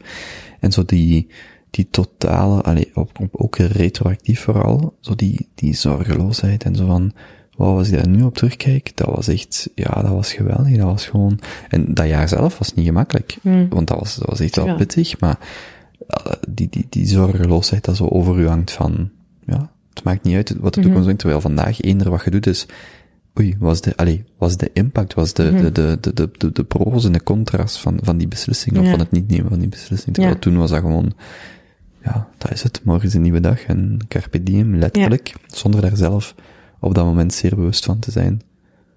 Ja, ik snap, ik snap het volledig. Ik denk dat dat, dat dat ook wel iets is wat dat ik toen ook heel hard had, maar dat ook niet besefte. Ehm, zo die zorgeloosheid waar dat je over spreekt. Ik dacht toen in Bali eh, dat ik zorgen had, maar als ik daar nu Hmm. op terugkijk, denk ik, amai nee, dat waren echt geen Hmm. zorgen. Dan heb ik nu veel grotere zorgen. En, en, maar ja, ja, het, Ik vind mijn kredietkaart niet, ik moet die rekening betalen. Zo, zo, in mijn geval. ja, maar in mijn geval ook. Hmm, In mijn geval is dat ook hoor. Dat is dan, dan, en daar heb je, allee, ja, je hebt daar helemaal geen zorgen. Je kunt daar, en, en als ik dan, maar ja, dat weet je op dat moment niet, hè, maar ja, als ik toen geweten had wat dat ik dan nu wist, dan, eh, maar ik vind wel nog steeds dat ik er wel enorm van genoten heb. Ik denk dat, allee, ik denk dat dat wel, dat was echt een fantastisch jaar. Gewoon Bali op zich. Ik heb nog altijd, ik vind dat, het, het is wel heel hard veranderd, maar ik vind dat wel nog steeds een fantastische plek. En, en heeft ook wel zo wat mijn, eh, mijn eh, gevoel voor reizen, allee, mijn passie voor reizen nog wel wat, wat groter gemaakt. En, en dat is toen wel een beetje gestart ook. Dus ehm teruggekomen en dan, ja, ja, ik ben daar wel altijd nog blij, allee, gelijk nu ook nog steeds, ik, ik reis nog altijd heel graag. En ik ben achteraf, dus na dat jaar dat ik in Bali heb gewoond, ben ik nog twee of drie keer teruggegaan. Ehm, en dan heb ik altijd wel een beetje vakantie gekoppeld aan een productie die ik daar ging opvolgen. Dus dat is dan ook wel leuk dat ik dat nu nog altijd kan, kan koppelen. En, dan, en, en als ik dan nu terug ga, dan geniet ik nog wel echt heel hard. En dan, dan ga ik ook nog wel naar, terug zo naar het eerste appartementje waar dat ik dan ooit gewoond heb. En ik vind het altijd zo leuk om te zien dat het daar allemaal gestart is en dat dat dan, ja, ja dat is echt nostalgisch. Mm. Ik hou daar wel van, van dat, gezo- van dat gevoel zo wat te gaan opzoeken. Zijn jullie getrouwd? Nee. Nee. Dus als uw vriend mag kiezen, gaat hij dan mee naar Bali of toch naar die boot met 45 vrouwen? Ja, sorry, de, de, de productie-eenheid. Ah, ja. Dan moest ik net denken toen je zei van, ah, daar wil ik wel eens meegaan op, op bedrijfsbezoek. Amai, nee, dat zijn... ik denk niet dat daar vrouwen tussen zitten Oké. die... eh allee, Toen je dat zei, dacht ik, ik moet dat grapje maken. Dat zijn is al- echt dat zijn, zo eh, zwak. dat zijn super lieve vrouwen, maar die zijn ook wel allemaal een beetje op leeftijd. Mm. Ehm, Dus, dus Bali. Bali, ja, zeker Bali. We- hij is ook al een keer mee geweest. We zijn, eh wij zijn, eh, ik denk twee jaar geleden of zo, eh, zijn we samen naar daar gegaan. En hij, is een surfer en hij is daar dan eh, heel veel gaan surfen. En ik ben dan heel veel stoffen gaan zoeken en, en ik ben heel veel, allee, ik ben mijn ateliers daar gaan bezoeken. Dus dat is ook wel leuk om dat samen te doen. Is dat waar het aankondigingsfilmpje gemaakt is? Ik herinner me zo'n filmpje van, van achter zo'n camera of zo. Nee, dat was, dat was niet, dat was in Hawaii. Ah, oké, oké. Ja, dat was onze eerste, onze eerste lange reis samen. Ah, aankondigingsfilmpje klinkt Ja. zo wat dwaas. Ja, dat klinkt inderdaad een beetje stom. maar- Ja. Ja, ja. Maar dat was het wel. Dat was Facebook official, maar dan de Ja, Instagram Instagram official. versie. Hm. Ehm, ja, dat was, ehm, dat was op Hawaii. Dat was onze eerste lange reis samen. En ik denk dat we toen ja, een halfjaartje of zo samen waren. Ehm, en dat we dan besloten hadden om dat ehm, de wereld in te sturen. Klinkt zo stom, maar ja, Hm. dat was het wel echt. Waar ontmoeten twee Limburgers elkaar? In Antwerpen. Ehm, maar wij kenden elkaar dus al van, eh, van vroeger, van, van als we 15 waren. En eh, er is... ehm, Alle twee in Zonhoven op school? Of gewoon van... Nee, dus ik ken Zonneval op school, maar wel echt uitgangsleven in Hasselt. En, en Matteo ook. Matteo is van Hasselt, dus die zijn eh, vriendengroep en die zijn... eh, Echt, echt Hasselt Hasselt? eh, ja, Kuringen. Ah ja, oké. Ja. Ehm, dus wij kennen elkaar van toen, van, van uit te gaan. En we hadden zo wat een klein beetje dezelfde vriendengroep. Eh, dus wij, wij gingen dan, eh, wij kwamen elkaar daar vaak tegen. En eh, ja, dus, allee, wij waren toen gewoon eh, vrienden. Dus wij, wij, wij babbelden wel eens af en toe en we stuurden wel eens sms'jes. En allee, Matteo vertelt dat heel graag. Heel, die, die, die maakt dat verhaal altijd super sappig en die, die vertelt altijd tegen vrienden en familie en zowel, of in interviews dat hij zo lang achter mij aan heeft gelopen en dat hij mij nooit heeft kunnen krijgen en dat, een, eh, en dat ik altijd zo de onbereikbare Italiaanse was die, dan, die hij niet kon krijgen. Maar dat is, dat is, ja, die, vindt dat een heel leuk verhaal te vertellen. Maar Tuurlijk. dat, ehm, En jij gunt hem dat verhaal maar ja, op zich. tuurlijk. Ik vind ook wel, ik, ik vertel dan ook zo van, ik, ik, we maken daar zo'n beetje een spel van soms, dat dan, hij vertelt dat en ik reageer er dan ook altijd op dezelfde manier op. Ik zeg dan altijd zo, nee, dat is niet waar. En hij zegt altijd, jawel. En, ik, en, en je negeerde mij en je, je zag mij toen niet staan. En, maar uiteindelijk zijn we dus altijd een klein beetje in contact gebleven. Ehm, Zijn jullie samen naar die kangoeroes gaan kijken? Welke kango's? Je hebt zo in Kuringen, ik weet het alleen omdat ik ooit een relatie Ah. heb gehad met iemand in Kuringen en je hebt Ah. zo'n lange baan. Ik weet niet hoe dat die heet. En er is een gast die Ah, heeft ja, ja, kangoeroes. ja, amai, Echt ja. het hoogtepunt van, van Kuringen, want ik, ik weet dat ik naar haar toe fietste. En op een bepaald moment ben ik aan het fietsen, s'avonds, en ik zie ineens een kangoeroe, allee, of ik weet niet of dat echt kangoeroe of zo, die kleine. Ik zie dat zo langs mij springen, ik zo, wat? Allee, dus, dat is het enige Nee. wat ik van Kuringen weet. Nooit samen gaan kijken. We hebben toen, we hebben geen, eh, we hebben geen, we zijn niet gaan daten toen wij zo jong waren. Eh, Oké, dus dat was, Wij kwamen elkaar tegen in het, in het uitgangsleven, in de versus. En we hebben ene foto samen, ik zou die straks laten zien, ehm, van toen wij 15 waren. Die in de versus. in de, ja, in de, Op donderdag. Nee, nee, dat was dus, je had de versus en je had daar tegenover de, De rits. de rits. En de atmos. En de atmos, inderdaad. Zalig. En, en de mix, kent je dat nog? Nee. Dat was zo'n beetje, een, dat werd daar soms... Ik weet alleen als ik 16 was, Ja. dat ik eh, feestje met Pat Crimson, nieuwjaar, Ja. 16, 17, in de Atmos, Ja. een van de beste avonden ooit. Maar want die locatie was zalig, 91. Ah, ja. Dus dat is wel, dat is wel vier jaar, is wel al, want de Atmos is ook maar een paar jaar en dan is dat Ja. weg. Ja, is wat. Ja. Nee, dus er is ene foto van ons samen die eh, ooit dan in de atmos getrokken is. En we waren 15. Eh, en die hangt nu ook op onze frigo. En Matteo zegt altijd, als we ooit gaan trouwen, dat dat onze uitnodiging wordt. Maar Mm. Ik sta daar verschrikkelijk slecht op, dus ik zeg altijd, nee, dat gaat die absoluut niet worden. Ehm, maar dus, eh, ja, we zijn altijd een beetje in, in, in contact gebleven met elkaar. Ehm, en eh, ja, tot, tot dan vier jaar geleden, eh, dat wij opnieuw een, een koffie zijn gaan drinken, omdat ik voor, het, voor Wearable Stories in Antwerpen was. En hij hier ook al, al tien jaar woont. Ehm, ja, en gewoon eens van, amai, ah, hey, en hoe is het met u? Dat stuurden wij wel pak één keer per jaar naar elkaar. Ehm, Of, en, en Weet je nog die foto van Atmos? nee, nee, nee, dat is heel grappig, die foto. Die is eh, pas later opgedoken. Ja, die is later opgezogen. en hij, hij was ook helemaal vergeten. En ik heb die zo, toen dat wij, eh, ik denk twee of drie maanden samen waren, heb ik die zo, eh, heb ik die teruggevonden op zo'n oude schijf van mij. Hmm. En dan ik- heb ik die ingepakt en dan had ik, en dan had ik gekookt voor ons en dan had ik die op zijn bord gelegd. En die is daar mega hard van verschoten. Dat, die, die, die wist dat toen, toen dat hij die foto terugzag, dat wij die foto ooit hadden. Maar hij was heel verbaasd dat ik die dan nog had teruggevonden en dat ik die dan, eh, ja, dat ik die Ja, dan had. Ja, dat is heel, heel leuk. Die foto is echt grappig.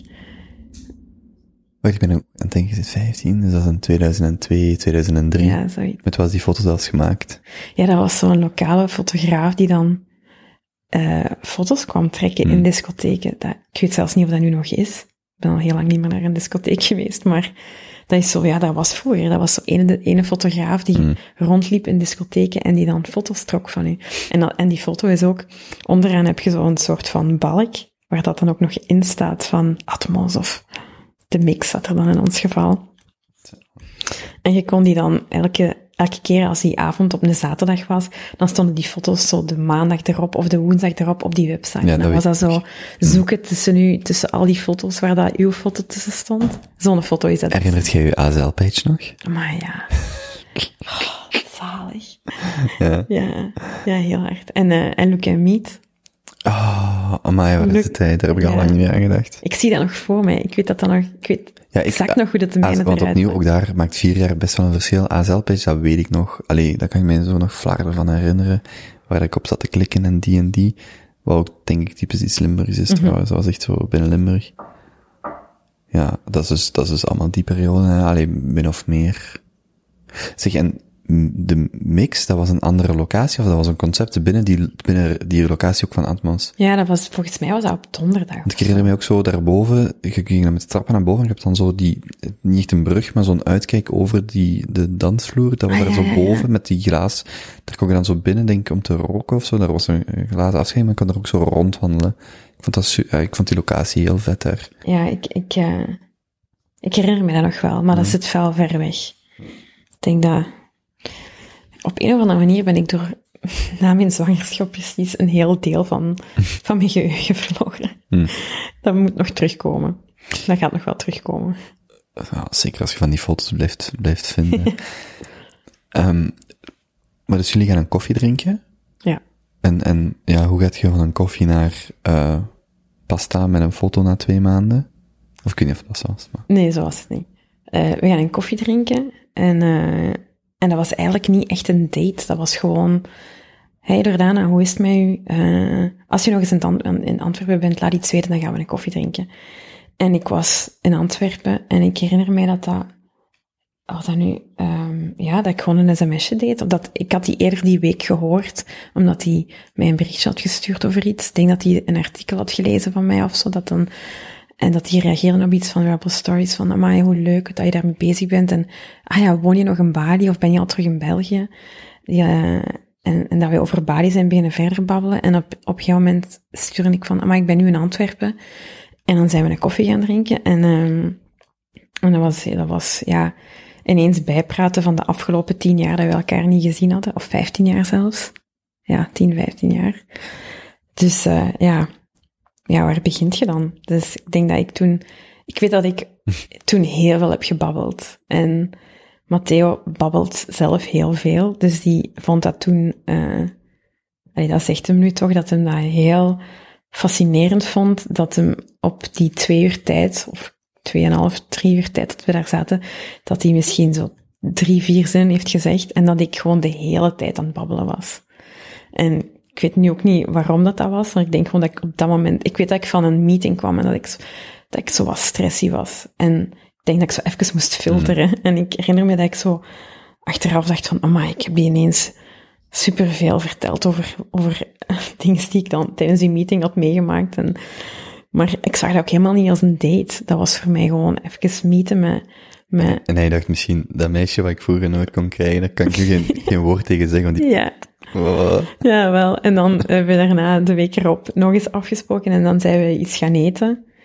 En dan zijn we, eh, en dan zijn we zo eigenlijk vijf, vier, nee, we zijn, we zijn, eh, echt vijf, zes dates ehm, echt van alles gaan doen. Naar, de, naar een museum geweest en nog eens gaan eten. En, en Maar toen waren het al dates. Of toen wist toen waren het wel, ja, het, toen waren het al dates, maar het was, ik was niet echt op zoek naar een relatie. Ik was zo, ik was ook heel hard aan het gaan ehm, met Rebel Stories en ik zat toen echt wel, ehm, ja, ik was toen denk ik een half jaar terug in België.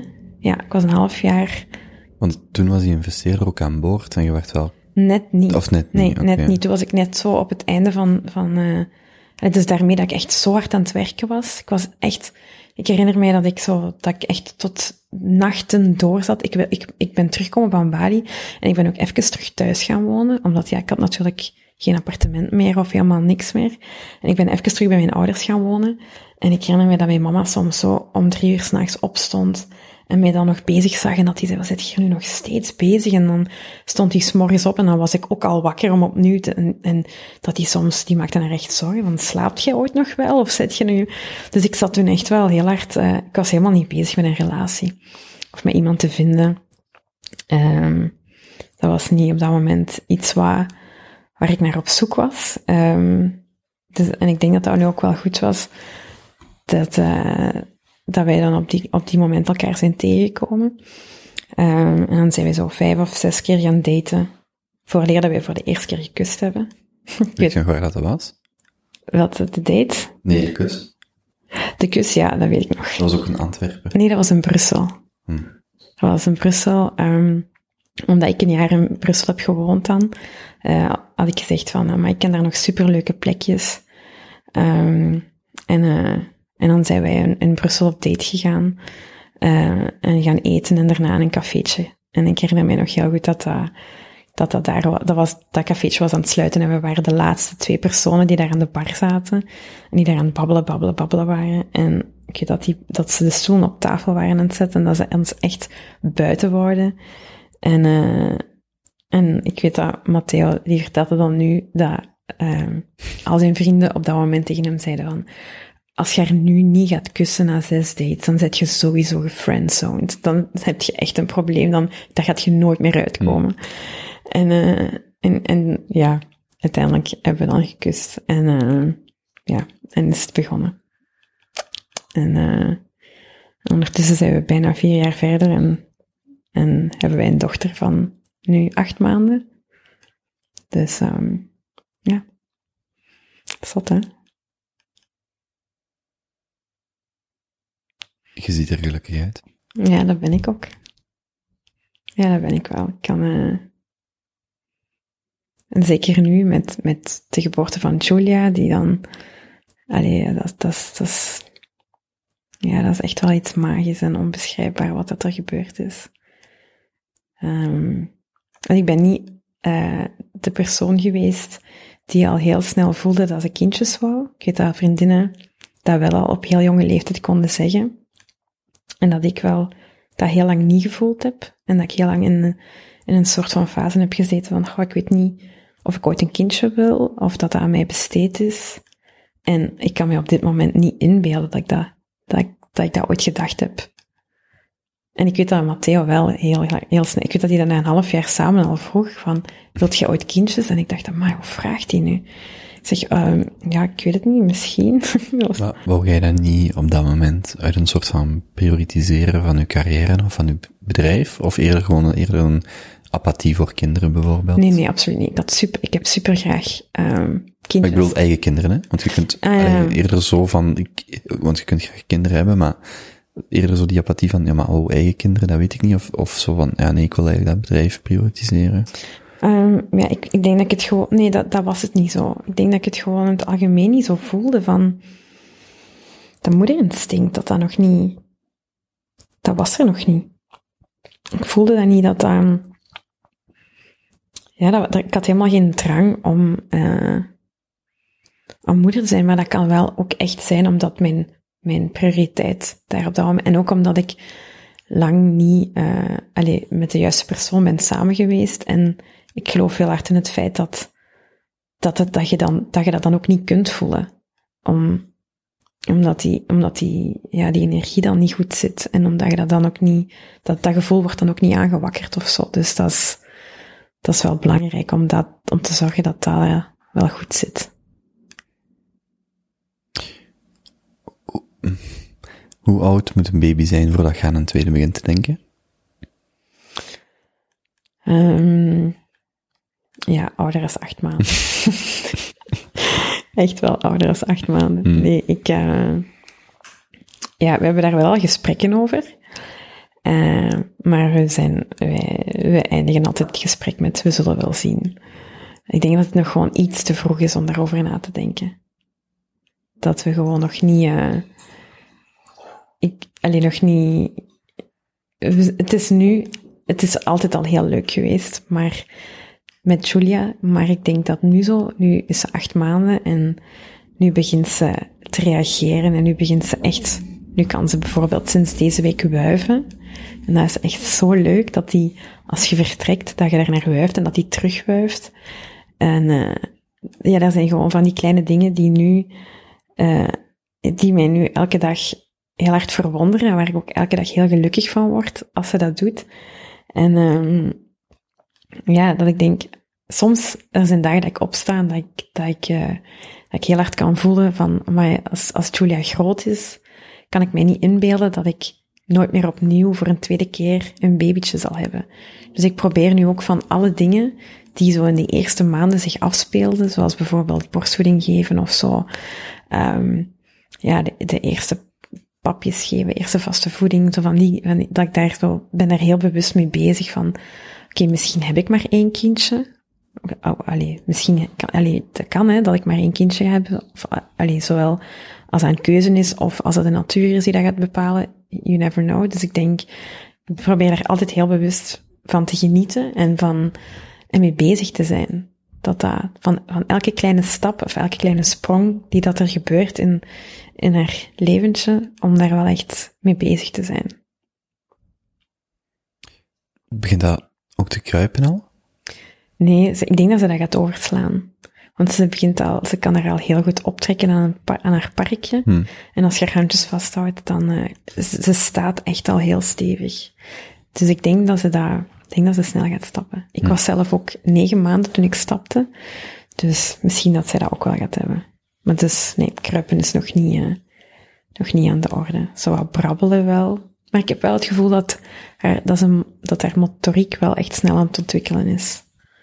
Ehm, veel sneller als het babbelen of, of allee, ze brabbelt wel, maar je merkt dat ze daar heel hard van geniet om recht te staan en om zo ineens de wereld vanuit het staande perspectief te zien. Dat is wel, ja, super mooi om te zien.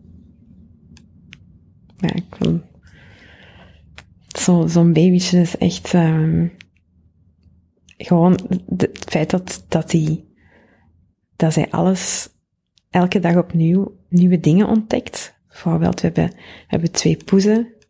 En je merkt ook dat die de afgelopen weken ineens bewust wordt dat die poezen kunnen bewegen en dat die poezen van de ene kant van het huis naar de andere kant lopen. Die heeft dat ineens door dat dat ook een levend wezen is. En die begint daar ook nu ook naar te wuiven en zo. Dus dat is, ik, ik vind ja, ik, mijn, ik smelt daar elke keer opnieuw van. Ik ben er echt, eh, ja, ik ben, dat kan me echt heel hard raken.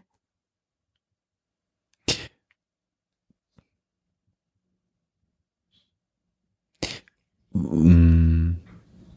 Was dat dan wel een, een soort van planning dat je bijvoorbeeld een jaar, wacht, nee, eh, anderhalf jaar geleden zei van we willen aan kinderen beginnen? Of is dat ook gewoon gekomen? Mm, nee, dat was wel een planning. Hm. Ehm, allee, nee, het is het, het, ehm, het, de, tijds, de tijdsplanning was op niet zozeer, ehm, die hadden we niet zozeer voor ogen van oké, we gaan dan zwanger worden of, of ja, ik ga dan zwanger worden, want we zijn niet samen is altijd zo. We, we hebben daar lang om gelachen. Allee, vrienden hebben Matteo daar ook vaak mee uitgelachen dat hij altijd zo in de we- we-vorm sprak van we zijn zwanger en toen we borstvoeding gaven. Maar dus, ehm zo, dat terzijde, dat terzijde, pardon. Eh, nee, dus ik, eh, hebben het wel op een gegeven moment losgelaten, dat we dachten, eh oké. Het is ook wel moeilijk om in de ik-vorm te spreken als man, als het over die dingen gaat. Wel, ik kan toch niet zeggen, ik ben zwanger. Ah ja, nee, nee, Ja, of tuurlijk ik, niet. ai, nee. je kunt ook maar alleen in de... Ja, maar je kunt wel zeggen, mijn vriendin is zwanger, hè. Of- Ja. Ja, dat is waar. Maar, ja. Ja. Maar, eh, wat was ik nu aan het zeggen? Ah ja, dat we dat op een gegeven moment hebben losgelaten. En, eh, en dat we, eh, dat we hadden besloten dat als, het zou, als ik zwanger zou worden, dat het dan, dat het dan ook wel zou mogen komen. Maar een maand later was ik dus al zwanger. Dus het is wel, het is ietsje sneller dan we dachten. We dachten gewoon niet dat, we zo, dat ik zo snel zwanger zou raken. Ehm, maar ja, het is wel zo geweest. En, en ja, en ik geloof er dan ook in dat dat zo heeft moeten zijn, dat wij op dat moment, eh, dat dat kindje op dat moment in ons leven moest komen. En eh,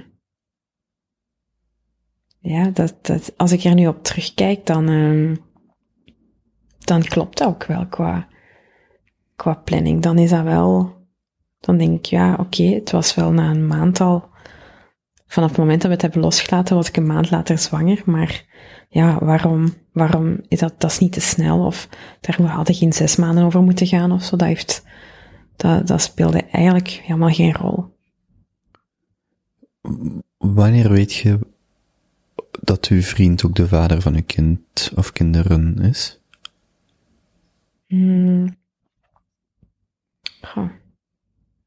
Ik denk dat dat wel iets is wat je voelt. En eh, wij voelden dat allebei wel snel, omdat wij ook allebei uit een lange relatie kwamen. Dus wij wisten, en we waren daarna ook allebei wel eh, voor een lange tijd alleen. En we waren ook wel gelukkig alleen. We benoemen dat nu ook heel vaak, dat we dat, nee, dat dat wel belangrijk is om gelukkig te zijn alleen, vooraleer dat je een nieuwe relatie begint. Ehm, dus ja, dat, dat, ik, ik voelde dat wel echt vrij snel. En, en Matteo ook, wij zaten gewoon heel snel op een heel, heel goed niveau met ons twee. Wij voelden heel hard dat wij dezelfde visie hadden op het leven en dat wij dezelfde kijk hadden, dat wij, ja, dat wij zo, zowel ge- gevoelsmatig echt heel hard op hetzelfde niveau zaten en, en we waren ook echt hals over kop verliefd op elkaar. En we zijn er nog steeds. Ehm, ja. En dat is ook wel heel mooi, want in het begin hebben wij ook, we hebben heel veel ruzie gemaakt in het begin bijvoorbeeld. Maar als ik daar nu op terugkijk, is dat wel iets goeds geweest, omdat wij zo op, op we worden heel hard, ehm, we worden heel hard zo onze eigen persoon definiëren en heel hard laten, laten voelen aan elkaar van, dit ben ik en allee, dit, dit zijn mijn waarden en normen en dat zijn de uwen en, en niemand van ons beiden wou daar een compromis in stellen. Ehm, maar dat heeft ons wel nu in een heel goed evenwicht gebracht. Dat we, dat we heel goed weten wat we van elkaar moeten verwachten en dat we, eh, ja, dat we, dat we wel een, heel goed, een heel goed, ja, een heel goede balans hebben, een heel goed evenwicht tussen wie we zijn en wie we ook samen zijn en wie we als gezin zijn. En ik denk dat dat wel essentieel is voor een gezin te starten. Ja.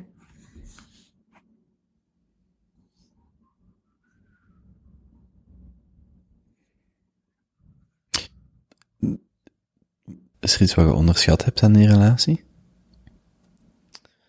Ehm, nee, er is niet iets wat ik onderschat heb. Ehm bedoelt je aan de relatie met ons twee of de relatie met ons drietjes nu? Ja, ik wou eigenlijk van twee naar drie gaan. Allee, ik zat daarmee in mijn hoofd, maar vooral eerst met jullie twee. Ik zou eigenlijk ook die, die vraag aan hem willen stellen. Is er iets wat jij onderschat hebt? Ja, ik denk dat Misschien zou dat een goede, betere vraag zijn. Wat, wat wat- denkt jij dat hij onderschat heeft? Ehm, ik heb hem niet, allee, ik, ik, ik heb een heel sterk karakter en ik heb wel ehm, een gezonde portie eh, pit en Wie eh, schreeuwt het hardste van jullie twee? ja, daar wil ik ook naartoe Hmm. gaan. Eh, Als wij ruzie, maakten, als wij ruzie maken of maakten, dan, eh, dan schreeuwen wij allebei even hard. Maar we kunnen het ook even hard terug goed maken met elkaar. Dus dat is vooral heel belangrijk. En ehm, ik denk dat wij op, een, op allee, dat wij wel echt aan elkaar gewaagd zijn qua karakter en qua, ehm, eh, qua temperament.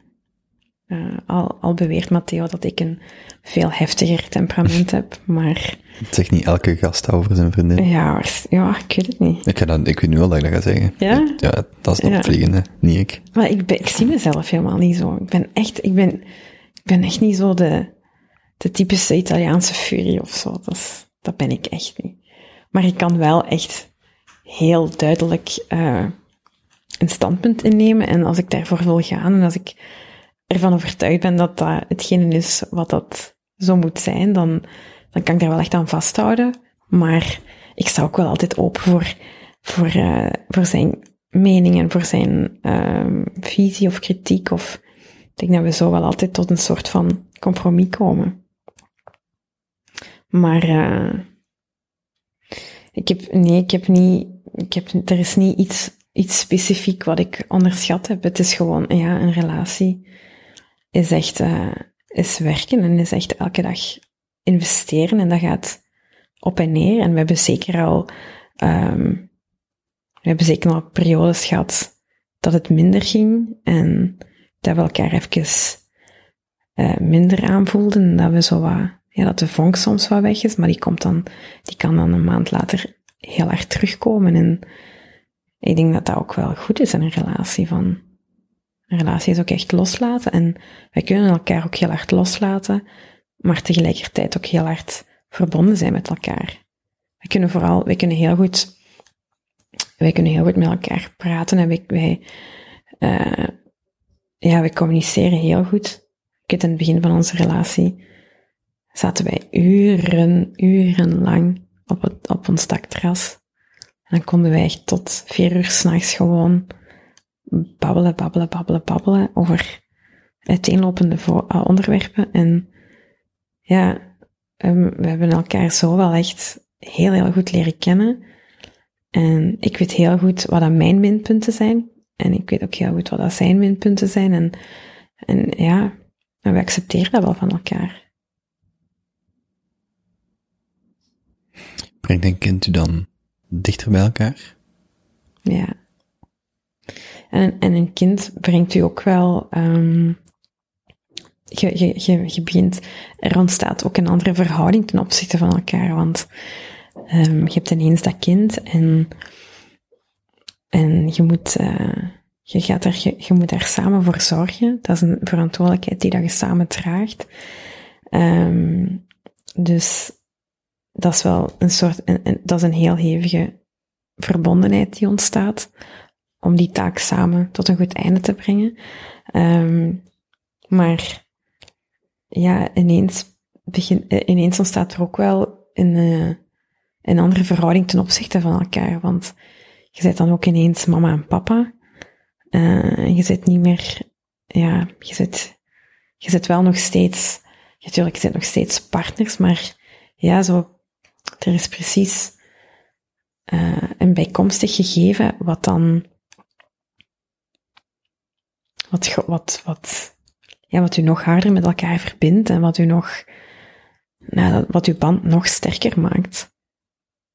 Ja, dat, is, dat, dat doet dat wel echt. Wie kiest een kindernaam? We hebben die samen gekozen. Wat was uw grootmoeder? Haar Ja. naam? Ja, klopt. En wij wisten niet, eh, wij wisten het geslacht niet. Hm. Dus we wisten niet of het een jongen of een meisje was. En ehm dus het was mijn grootmoeder, die noemt ook Julia, maar eh, het is Matteo die ook eh, in het begin ook zei dat, eh, dat hij Julia een heel mooie meisjesnaam vond. We, hebben, we hebben dat gesprek vrij snel gehad. En, die, en, kwam er dan ook op uit dat mijn grootmoeder zo noemde, dus ik vond dat een bijkomstig gegeven wat ook heel mooi was om mijn dochter zo te noemen. Maar ja, natuurlijk ehm wisten we niet dat het een dochter ging zijn. Dus ehm ja, nee, we hebben die echt wel... We zijn, we- die naam is echt heel snel gevallen. We hadden twee of drie meisjesnamen die we wel... We hebben heel lang geen jongensnaam gehad. Ik denk tot... Dat is toch makkelijk?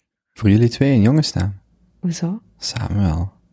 Samuel? Als je alle twee zo eh, Italiaanse roots hebt, en ik vind, ik vind Samuel, zeker bij de mensen die ik ken, die ook die andere roots hebben, ik vind dat zo toekoer al een mooie naam. Bijvoorbeeld Ja. Gabriel vind ik ook een mooie naam, maar Ja. in die context bijvoorbeeld Samuel, zo'n prachtige naam. Ja, is Ja, wat. dat- Ja. ja. ja. Ja. Ja, dat is, dat is, ja, dat is een mooie naam, hè. Maar Hmm. ehm, ja, ik weet- Ja, zo. we hebben lang geen jongensnaam gehad. Hmm. En we hadden, we hadden wel meisjesnamen, dus we hadden zo wel... eh, we hebben ook altijd gezegd van dat we de, de, de meisjesnaam effectief pas gingen beslissen als het kindje er zou zijn. En als we dan zouden zien of het daarbij zou passen of niet. En toen dat Julia geboren werd, was het ook echt onmiddellijk, ja, dat is Julia. Dat is... Het was echt Julia. Ik kon gewoon niet anders dan... Ja, dat... dat en als, als we haar nu zien, dan... Ik vind dat die naam ook heel goed bij haar past. Hmm. Als persoontje, wat dat ze nu al is. Is het echt... eh, we kunnen soms samen naar foto's kijken en, en zeggen van, ja, dat is Julia. Dat is ze. En de oma, want die leeft nog, de Ja, twee ja. oma's leven, dus zij heeft het ook, zij maakt- het ook van dichtbij mee. Ja, ja die was Mm. fantastisch. Die was, eh, ik herinner me nog dat, dat ik haar daar eh, in een berichtje, alleen in zo'n, in zo'n voice mes- message naar, naar stuurde, eh, van, ik ben bevallen en het is een meisje en ze heet Julia. Ja, en die was echt heel, ja, super geëmotioneerd en die vond dat, die vond dat heel mooi dat we dat, dat we dat gedaan hebben en, en als, we, als zij haar nu ziet, dan... Ik denk dat hij dat wel nog steeds zo wat vreemd vindt om die dan ook Julia te noemen, omdat haar eigen naam is. Dus ze zegt altijd Giulia Piccola, wat betekent kleine Julia. En dan zij is dan Giulia Grande. Dus dat is wel zo... Ja, dat is wel mooi. Je schrijft ook op zijn Italiaans met een G. Ja, G-I-U-L-I-A. Mhm. Julia. Ik wil je nog wat meer vragen over moederschap, maar ik moet naar het toilet. Oké, Dus, eh, ja, prima. ik ga dat nu doen. Ik ga naar u.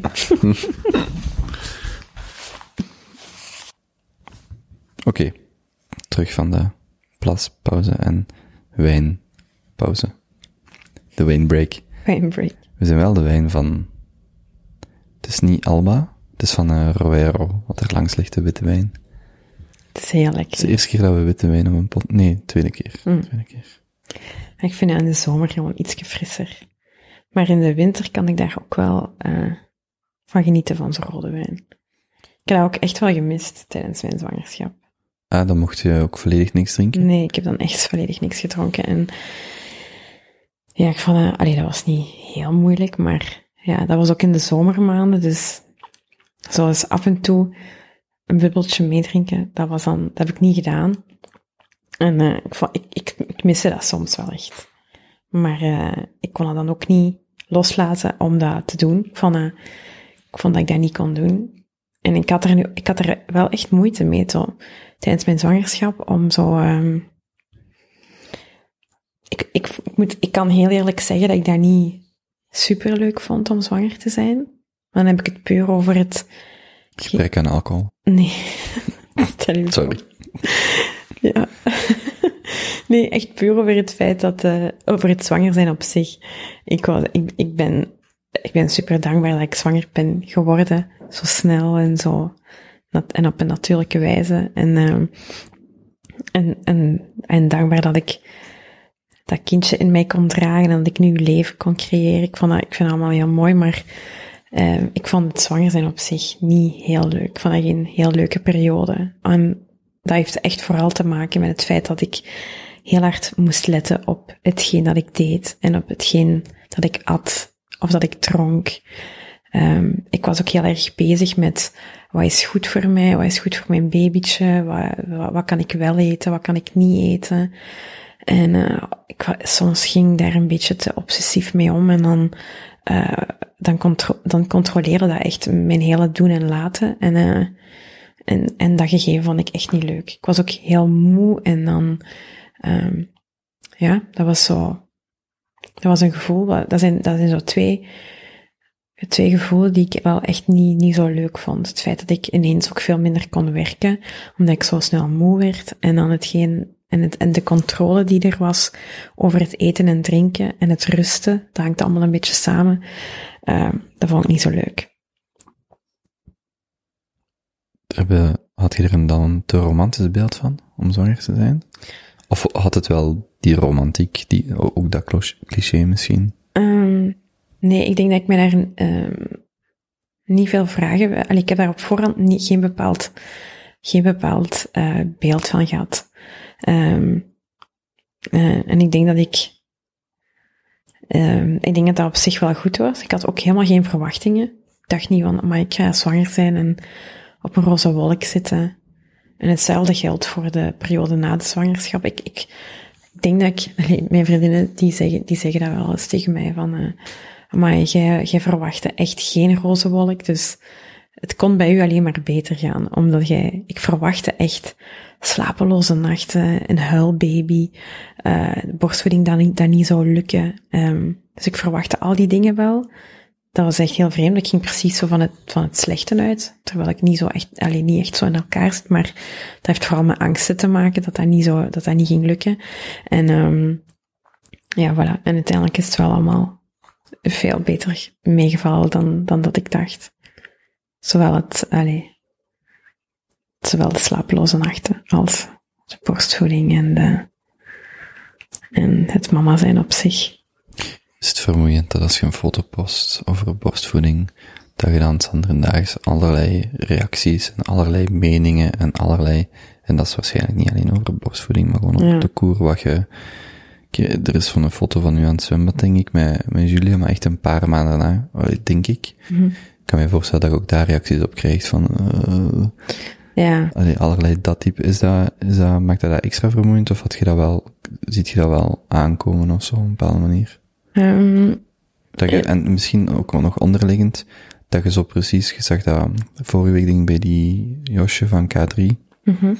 die dan een story maakt van, ja, die avondklok, dat is een beetje onnozel, dat wordt dan opgepikt door het laatste nieuws en dat wordt dan zo'n heel ding van, Josje zegt dat, de ah, roept Hmm. op om, dat je zo denkt van, ja jongens, die, die gewoon een story gepost en zo. Mhm.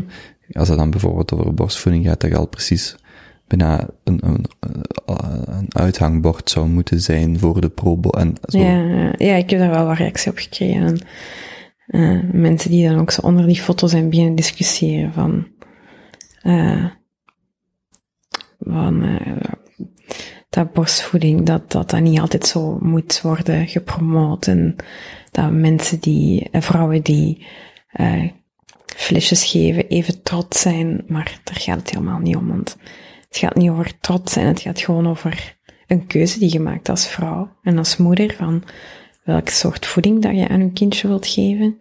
En als je, als je voor flesjesvoeding kiest, is dat even goed als voor borstvoeding. Dus ik, ik snap de heisa daar niet echt rond. En ik,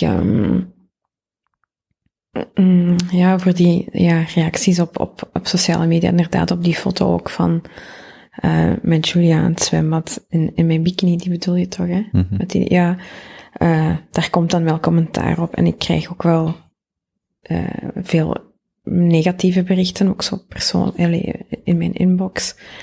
Eh, maar ik heb ondertussen wel heel goed geleerd om daarmee om te gaan en om, dat, eh, om mij dat niet aan te trekken. In het begin kon ik me dat wel heel hard aantrekken. En dan, en dan bedoel ik het ook van voor Julia. Eh, wat maakt dat ik echt wel een soort van haat-liefde verhouding heb met social media. Trek toch eens de microfoon eens iets dichterbij. Ah, ja. Ja. Zo? Super. Ja, want hoe, hoe vind je daar een balans in? Want bijvoorbeeld ook al heel de discussie over uh, in welke mate je haar en haar leven deelt Ja. op die kanalen. Ja. Zeker ook in jullie rol, beide als publiek figuur. Ja, we hebben daar in het begin, eh, wisten we daar niet echt eh, wat we daarmee gingen doen. En we hebben daar ook heel lang geen keuze in genomen, want wij, eh, we hebben lang gedacht van we gaan daar, ni- we gaan daar niet op, op social media plaatsen. Want we dachten dat ze dan, als ze, dan, als ze groter werd, als ze groter wordt. En dan, in, en dan ons achteraf kon verwijten van, wat, wat jullie voor foto's op, op Facebook of op Instagram geplaatst? Ehm, omdat het dan niet haar eigen keuze was. Maar uh, we, zijn er, we gaan er heel selectief mee om. Uh, dus wij posten niet heel veel, maar we posten er wel. Omdat uh, Instagram is voor ons beiden een, een, een kanaal om, om ons persoonlijke leven te delen. En daar, allee, dat zijn, we zijn daar niet heel actief op, maar ook niet inactief. We zijn, het is zo wat in de middel. En, um, en dat is ook oké. En, en we gaan daar op die manier ook met Julia mee om. Dus als er leuke of grappige dingen zijn die wij voelen dat wij op dat moment willen posten, dan doen we dat gewoon. En als dat niet is, dan is dat soms twee, drie weken niet. En als het dan een week weer heel hard is, dan, uh, dan doen we dat wel. Dus we proberen daar een beetje ons gevoel in te volgen. En ja, daar komen altijd reacties op. Ik denk dat dat onvermijdelijk is. Um, het is gewoon hoe, hoe dat je daarmee omgaat. En ja, denk ik daar nu nog, alleen nog veel beter mee om kan dan ervoor. Dat dat, ik ben, ik ben sowieso wel gevoelig voor, ik wil altijd wel, uh, ik wil geen reacties of zeker geen negatieve reacties uitlokken. Of bijvoorbeeld met dat borstvoeden. Dat is niet de bedoeling dat ik dan, uh, ik wil dan geen moeders tegen het hoofd stoten die dat niet doen. Dat is absoluut niet mijn bedoeling. Um, maar uh, ja, ik wil dat dan, ik vind dat gewoon, ik vind het, het, het, het feit dat je als vrouw je kindje kunt voeden met je eigen lichaam, ik vind dat iets heel moois en dan vind ik ook dat, vind ik dat ook fijn om te delen en daar, daar zijn ook wel heel veel goede reacties op gekomen, heel veel berichtjes die ik krijg van vrouwen die zeggen van, ah, super leuk dat je dit zo in beeld brengt. Hoe het, ik, ik had ooit soms een foto gepost van ik die Julia rechtstaand aan het borstvoeden was en Matteo die zo op de achtergrond in slaap was gevallen in de zetel en die was echt aan het slapen. Ik had dat gepost, eh, omdat ik dat heel grappig vond op dat moment, dat hij daar lag te slapen, terwijl ik om de twee uur moest wakker worden voor dat kindje te borstvoeden. Maar hij lag wel te slapen. Dus dat was, ik vond het wel grappig. En, en uh, ja, daar zijn alleen zo van die dingen, ja, dat ik vind, dat moet je gewoon kunnen posten. En dat is gewoon, dat is toch leuk, dat is toch grappig, daar is helemaal niks, niks mis mee. Maar ja, het is zoiets onder die moeders die, uh, die zo, uh, ja, met elkaar, dat, dat is precies altijd een soort van, van wedstrijd of van competitie onder elkaar. Voelt dat zo? Nee, voor mij niet. Maar ik, uh, ik probeer gewoon heel hard mijn gevoel te, vo te volgen. En, uh, en, en, en ik, nee, ik, ik heb niet vaak het gevoel van, ik ben het niet goed aan het doen, of ik, ik probeer me ook niet te vergelijken met andere moeders. Uh, omdat ik gewoon denk, ja, ik ga vaak bij mijn eigen moeder te raden, omdat, omdat ik dan wel denk dat die het heel goed weet. Uh, ik heb ook een heel, ik heb ook nog een vrij jonge mama. Die, uh, dus dat, dat, dat helpt ook wel. Die, dat is ook echt mijn vriendin, mijn mama. Hoe oud was zij toen jij geboren was? Uh, 21. Ah, ja. ja, dus die is nu 55. Ja. Ja, 1,22 was die. Um, dus die is, die, is, die is nu nog heel... En, en die was, die was ook... In mijn puberteit was zij met, allee, zo in haar dertiger, in haar dertiger jaren. Dus dat is wel echt, uh, ja, dat was een heel fijne periode. En ik heb dat heel lang ook zelf gewild. Ik heb heel lang zelf gedacht van, als ik moeder wil worden, dan wil ik ook zo'n jonge moeder zijn. Maar ja, ik heb dan andere dingen gedaan in mijn twintigers, waar ik, wat ik ook heel fijn vind. En, uh, ja, en ik denk gewoon, oké, nu moet ik gewoon zorgen dat ik een moeder blijf die jong van geest is. En die, uh, hm. en op dat, ja. En, en, en op die manier wel ook een soort van vriendin wordt voor Julia. Want dat is nu wel echt een vraag die ik me stel. Soms kan ik zo naar haar kijken en, en dan dwalen mijn gedachten zo wat weg. En dan denk ik, oh, maar stel je voor dat hij mij later helemaal niet graag gaat hebben. Of dat wij niet goed overeen gaan komen. Dat, dat kan, hè. Het is niet per definitie zo dat wij goede vriendinnen worden, omdat dat mijn dochter is. En ja, dat zou ik wel heel jammer vinden, maar ik probeer dat ook wel snel los te laten. En, en ik denk, ja, we zullen wel zien. Ik doe mijn best. En zij ook. En zien wel wat dat geeft. Je komt daar ook gewoon niet ver mee met er nu over na te denken wat het zou kunnen zijn. Nee, dat is waar. Maar dat is wel een beetje eh, eh, hoe dat ik ben. Ja, ik wou net ver van, Ja. waar komt dan die angst of die onzekerheid? Ik denk dat ik gewoon dat dat een beetje aard van het beestje is zo, hoe dat ik in elkaar zit. Dat ik zo een, een heel harde, eh, een heel harde denker ben. Ik zit vaak echt in mijn hoofd en ik, ik ben graag, ik overdenk graag alles. Ik denk, oh ja, ik ga daar nog eens over nadenken. Eh, in tegenstelling tot Matteo bijvoorbeeld, die dat absoluut niet heeft. En waar ik soms ook echt een beetje jaloers op kan zijn, dat die zo zorgeloos en zo, die, die kan heel hard in het nu leven en die kan heel hard, die staat elke dag supergoed gezind op. En die denkt elke dag van, oké, dit is een nieuwe dag en we gaan, een- waar we van, die, die staat letterlijk soms fluitend op. Dan denk ik, wat? Je staat fluitend op? Die, ja, terwijl ik, allee, ik, ik sta dan ook wel, ik heb sowieso een, een beetje een ochtendhumeur, dus ik moet even wakker worden en, en eh, ja, die heeft echt een enorme, een enorm groot joie de vivre en dat is ook heel mooi aan hem. En dat is ook, ehm, ja, fijn dat hij dat aan ons dochtertje gaat doorgeven en dat dat, dat dat ook weer goed in balans is. Ik die dan wel veel nadenk en die echt wel rationeler ben en hij die ook wel veel emotioneler is. Dat is wel een goeie, een, een, een goed evenwicht.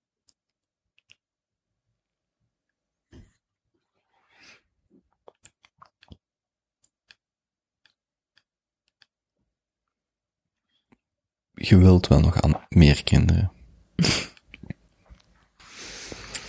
Ja, Ik, ik kan daar nu echt nog niet op antwoorden. Is dat omdat de zwangerschap nog te vers in uw geheugen zit? Ja, een beetje wel.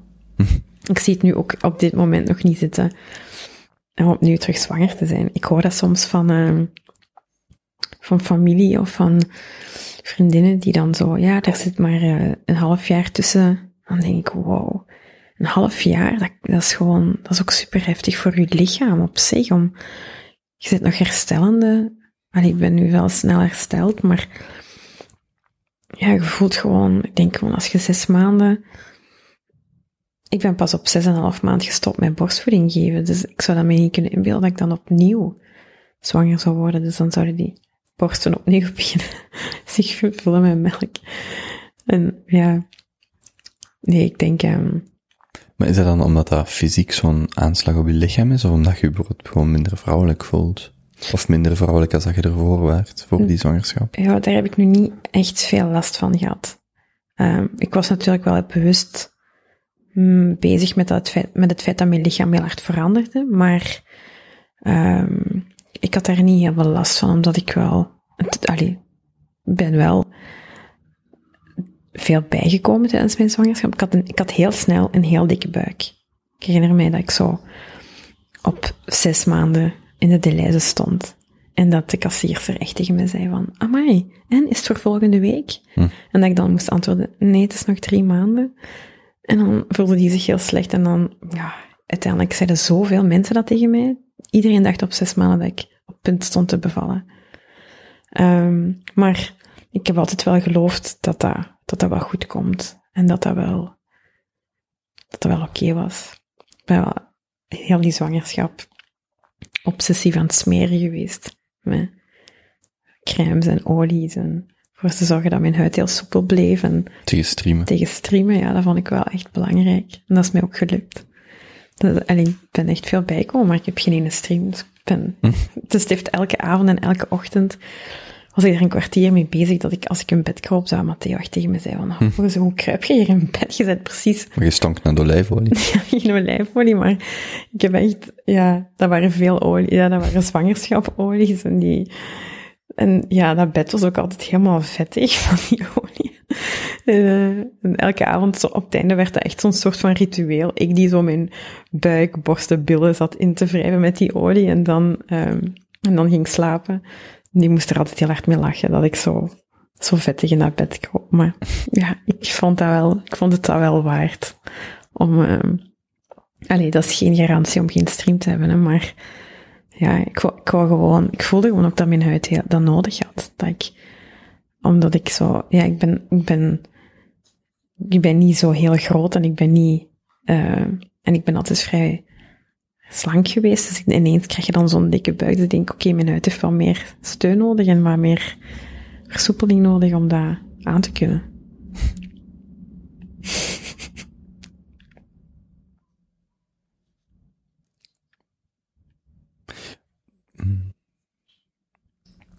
Ik ben even aan het denken. Ehm, Wat staat er nog op je blad? er staat accent. Daar we het al over gehad. Er staat WS. Ja, daar we het ook al veel over gehad. Misschien, Ja, en er staat moederschap. Ehm, ik, vind het ook, ik vind het ook altijd heel leuk om te zien dat je gewoon uren kunt praten.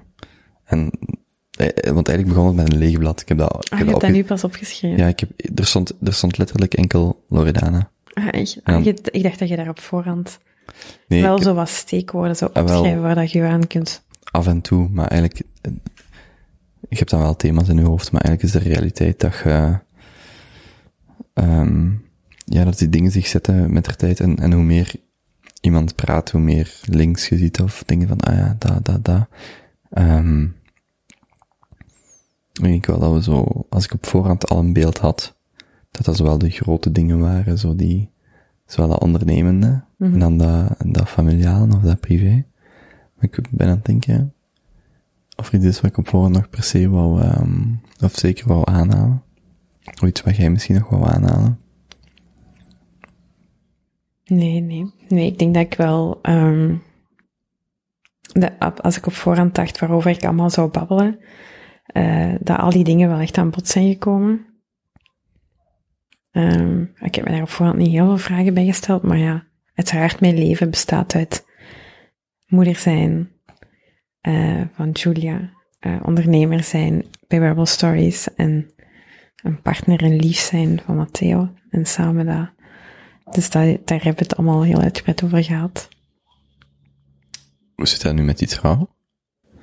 Ik weet het niet. Het is, eh Matteo, die, die, die, eh, die heeft wel al meermaals laten vallen dat hij, dat hij mij ooit wel ten huwelijk gaat vragen. Ehm, en die weet ook naar het schijnt al hoe dat hij dat gaat doen. Zegt hij. Maar ik weet niet of dat waar is. Waarschijnlijk wel.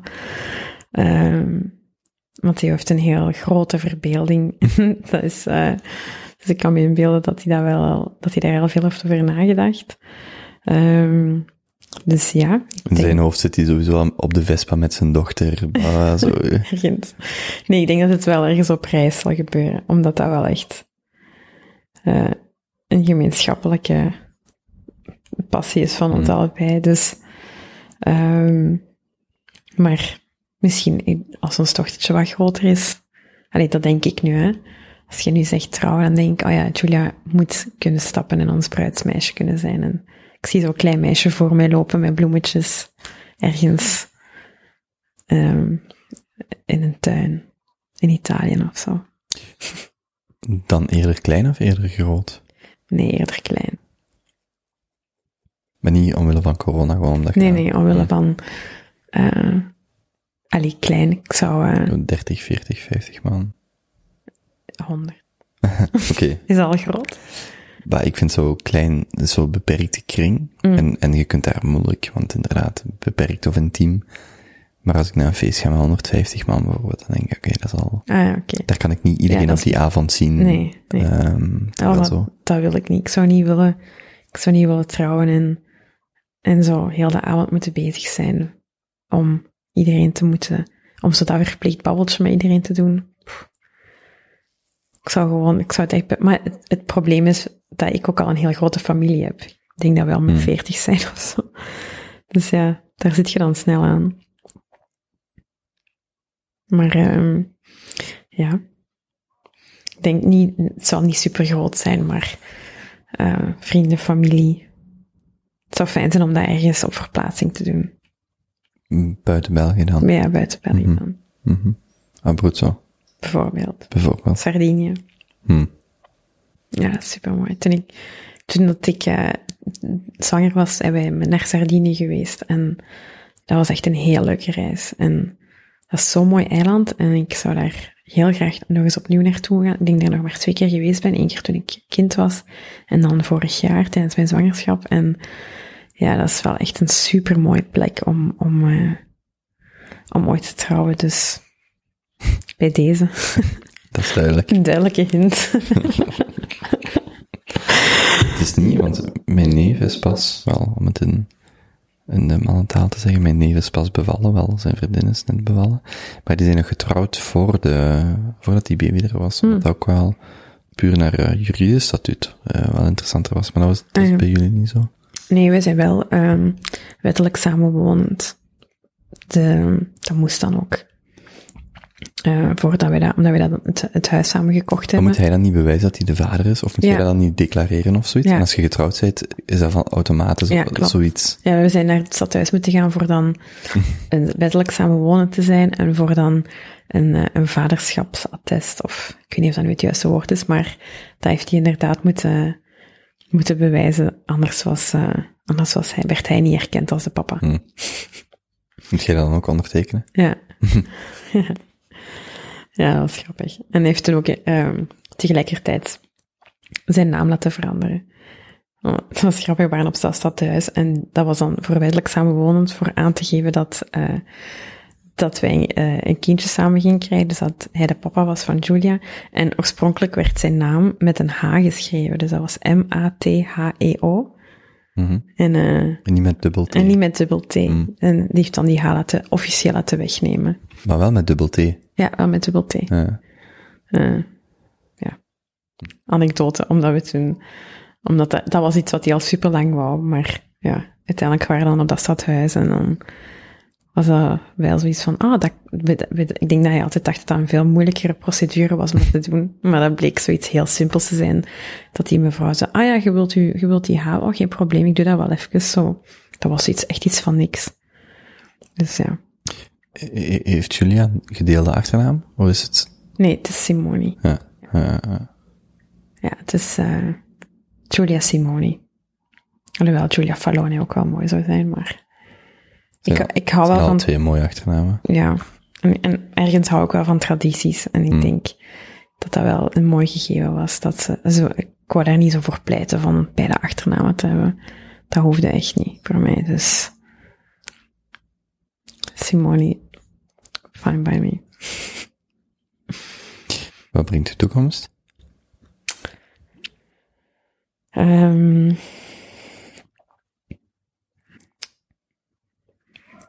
veel, veel goeds. Ehm Julia zien opgroeien en eh, ja, onze carrières verder uitbouwen en proberen dat zo goed mogelijk met elkaar te combineren. Veel reizen, ehm, veel reizen samen maken. Dat is, dat is wel iets waar dat wij nu door die corona ook. Ik denk dat wij anders wel al, zeker deze zomer, wel met ons drietjes op reis zouden geweest zijn. Ehm, ja, rooskleurige toekomst, daar hou ik wel voor ogen en daar wil ik wel echt voor gaan. En dat is wel iets ehm, wat ik wel zie gebeuren. Ik heb daar straks al gezegd, je ziet er gelukkig uit. Ja, dankjewel. Ja. Ja, dat is, dat is fijn om te horen en dat, dat is ook zo.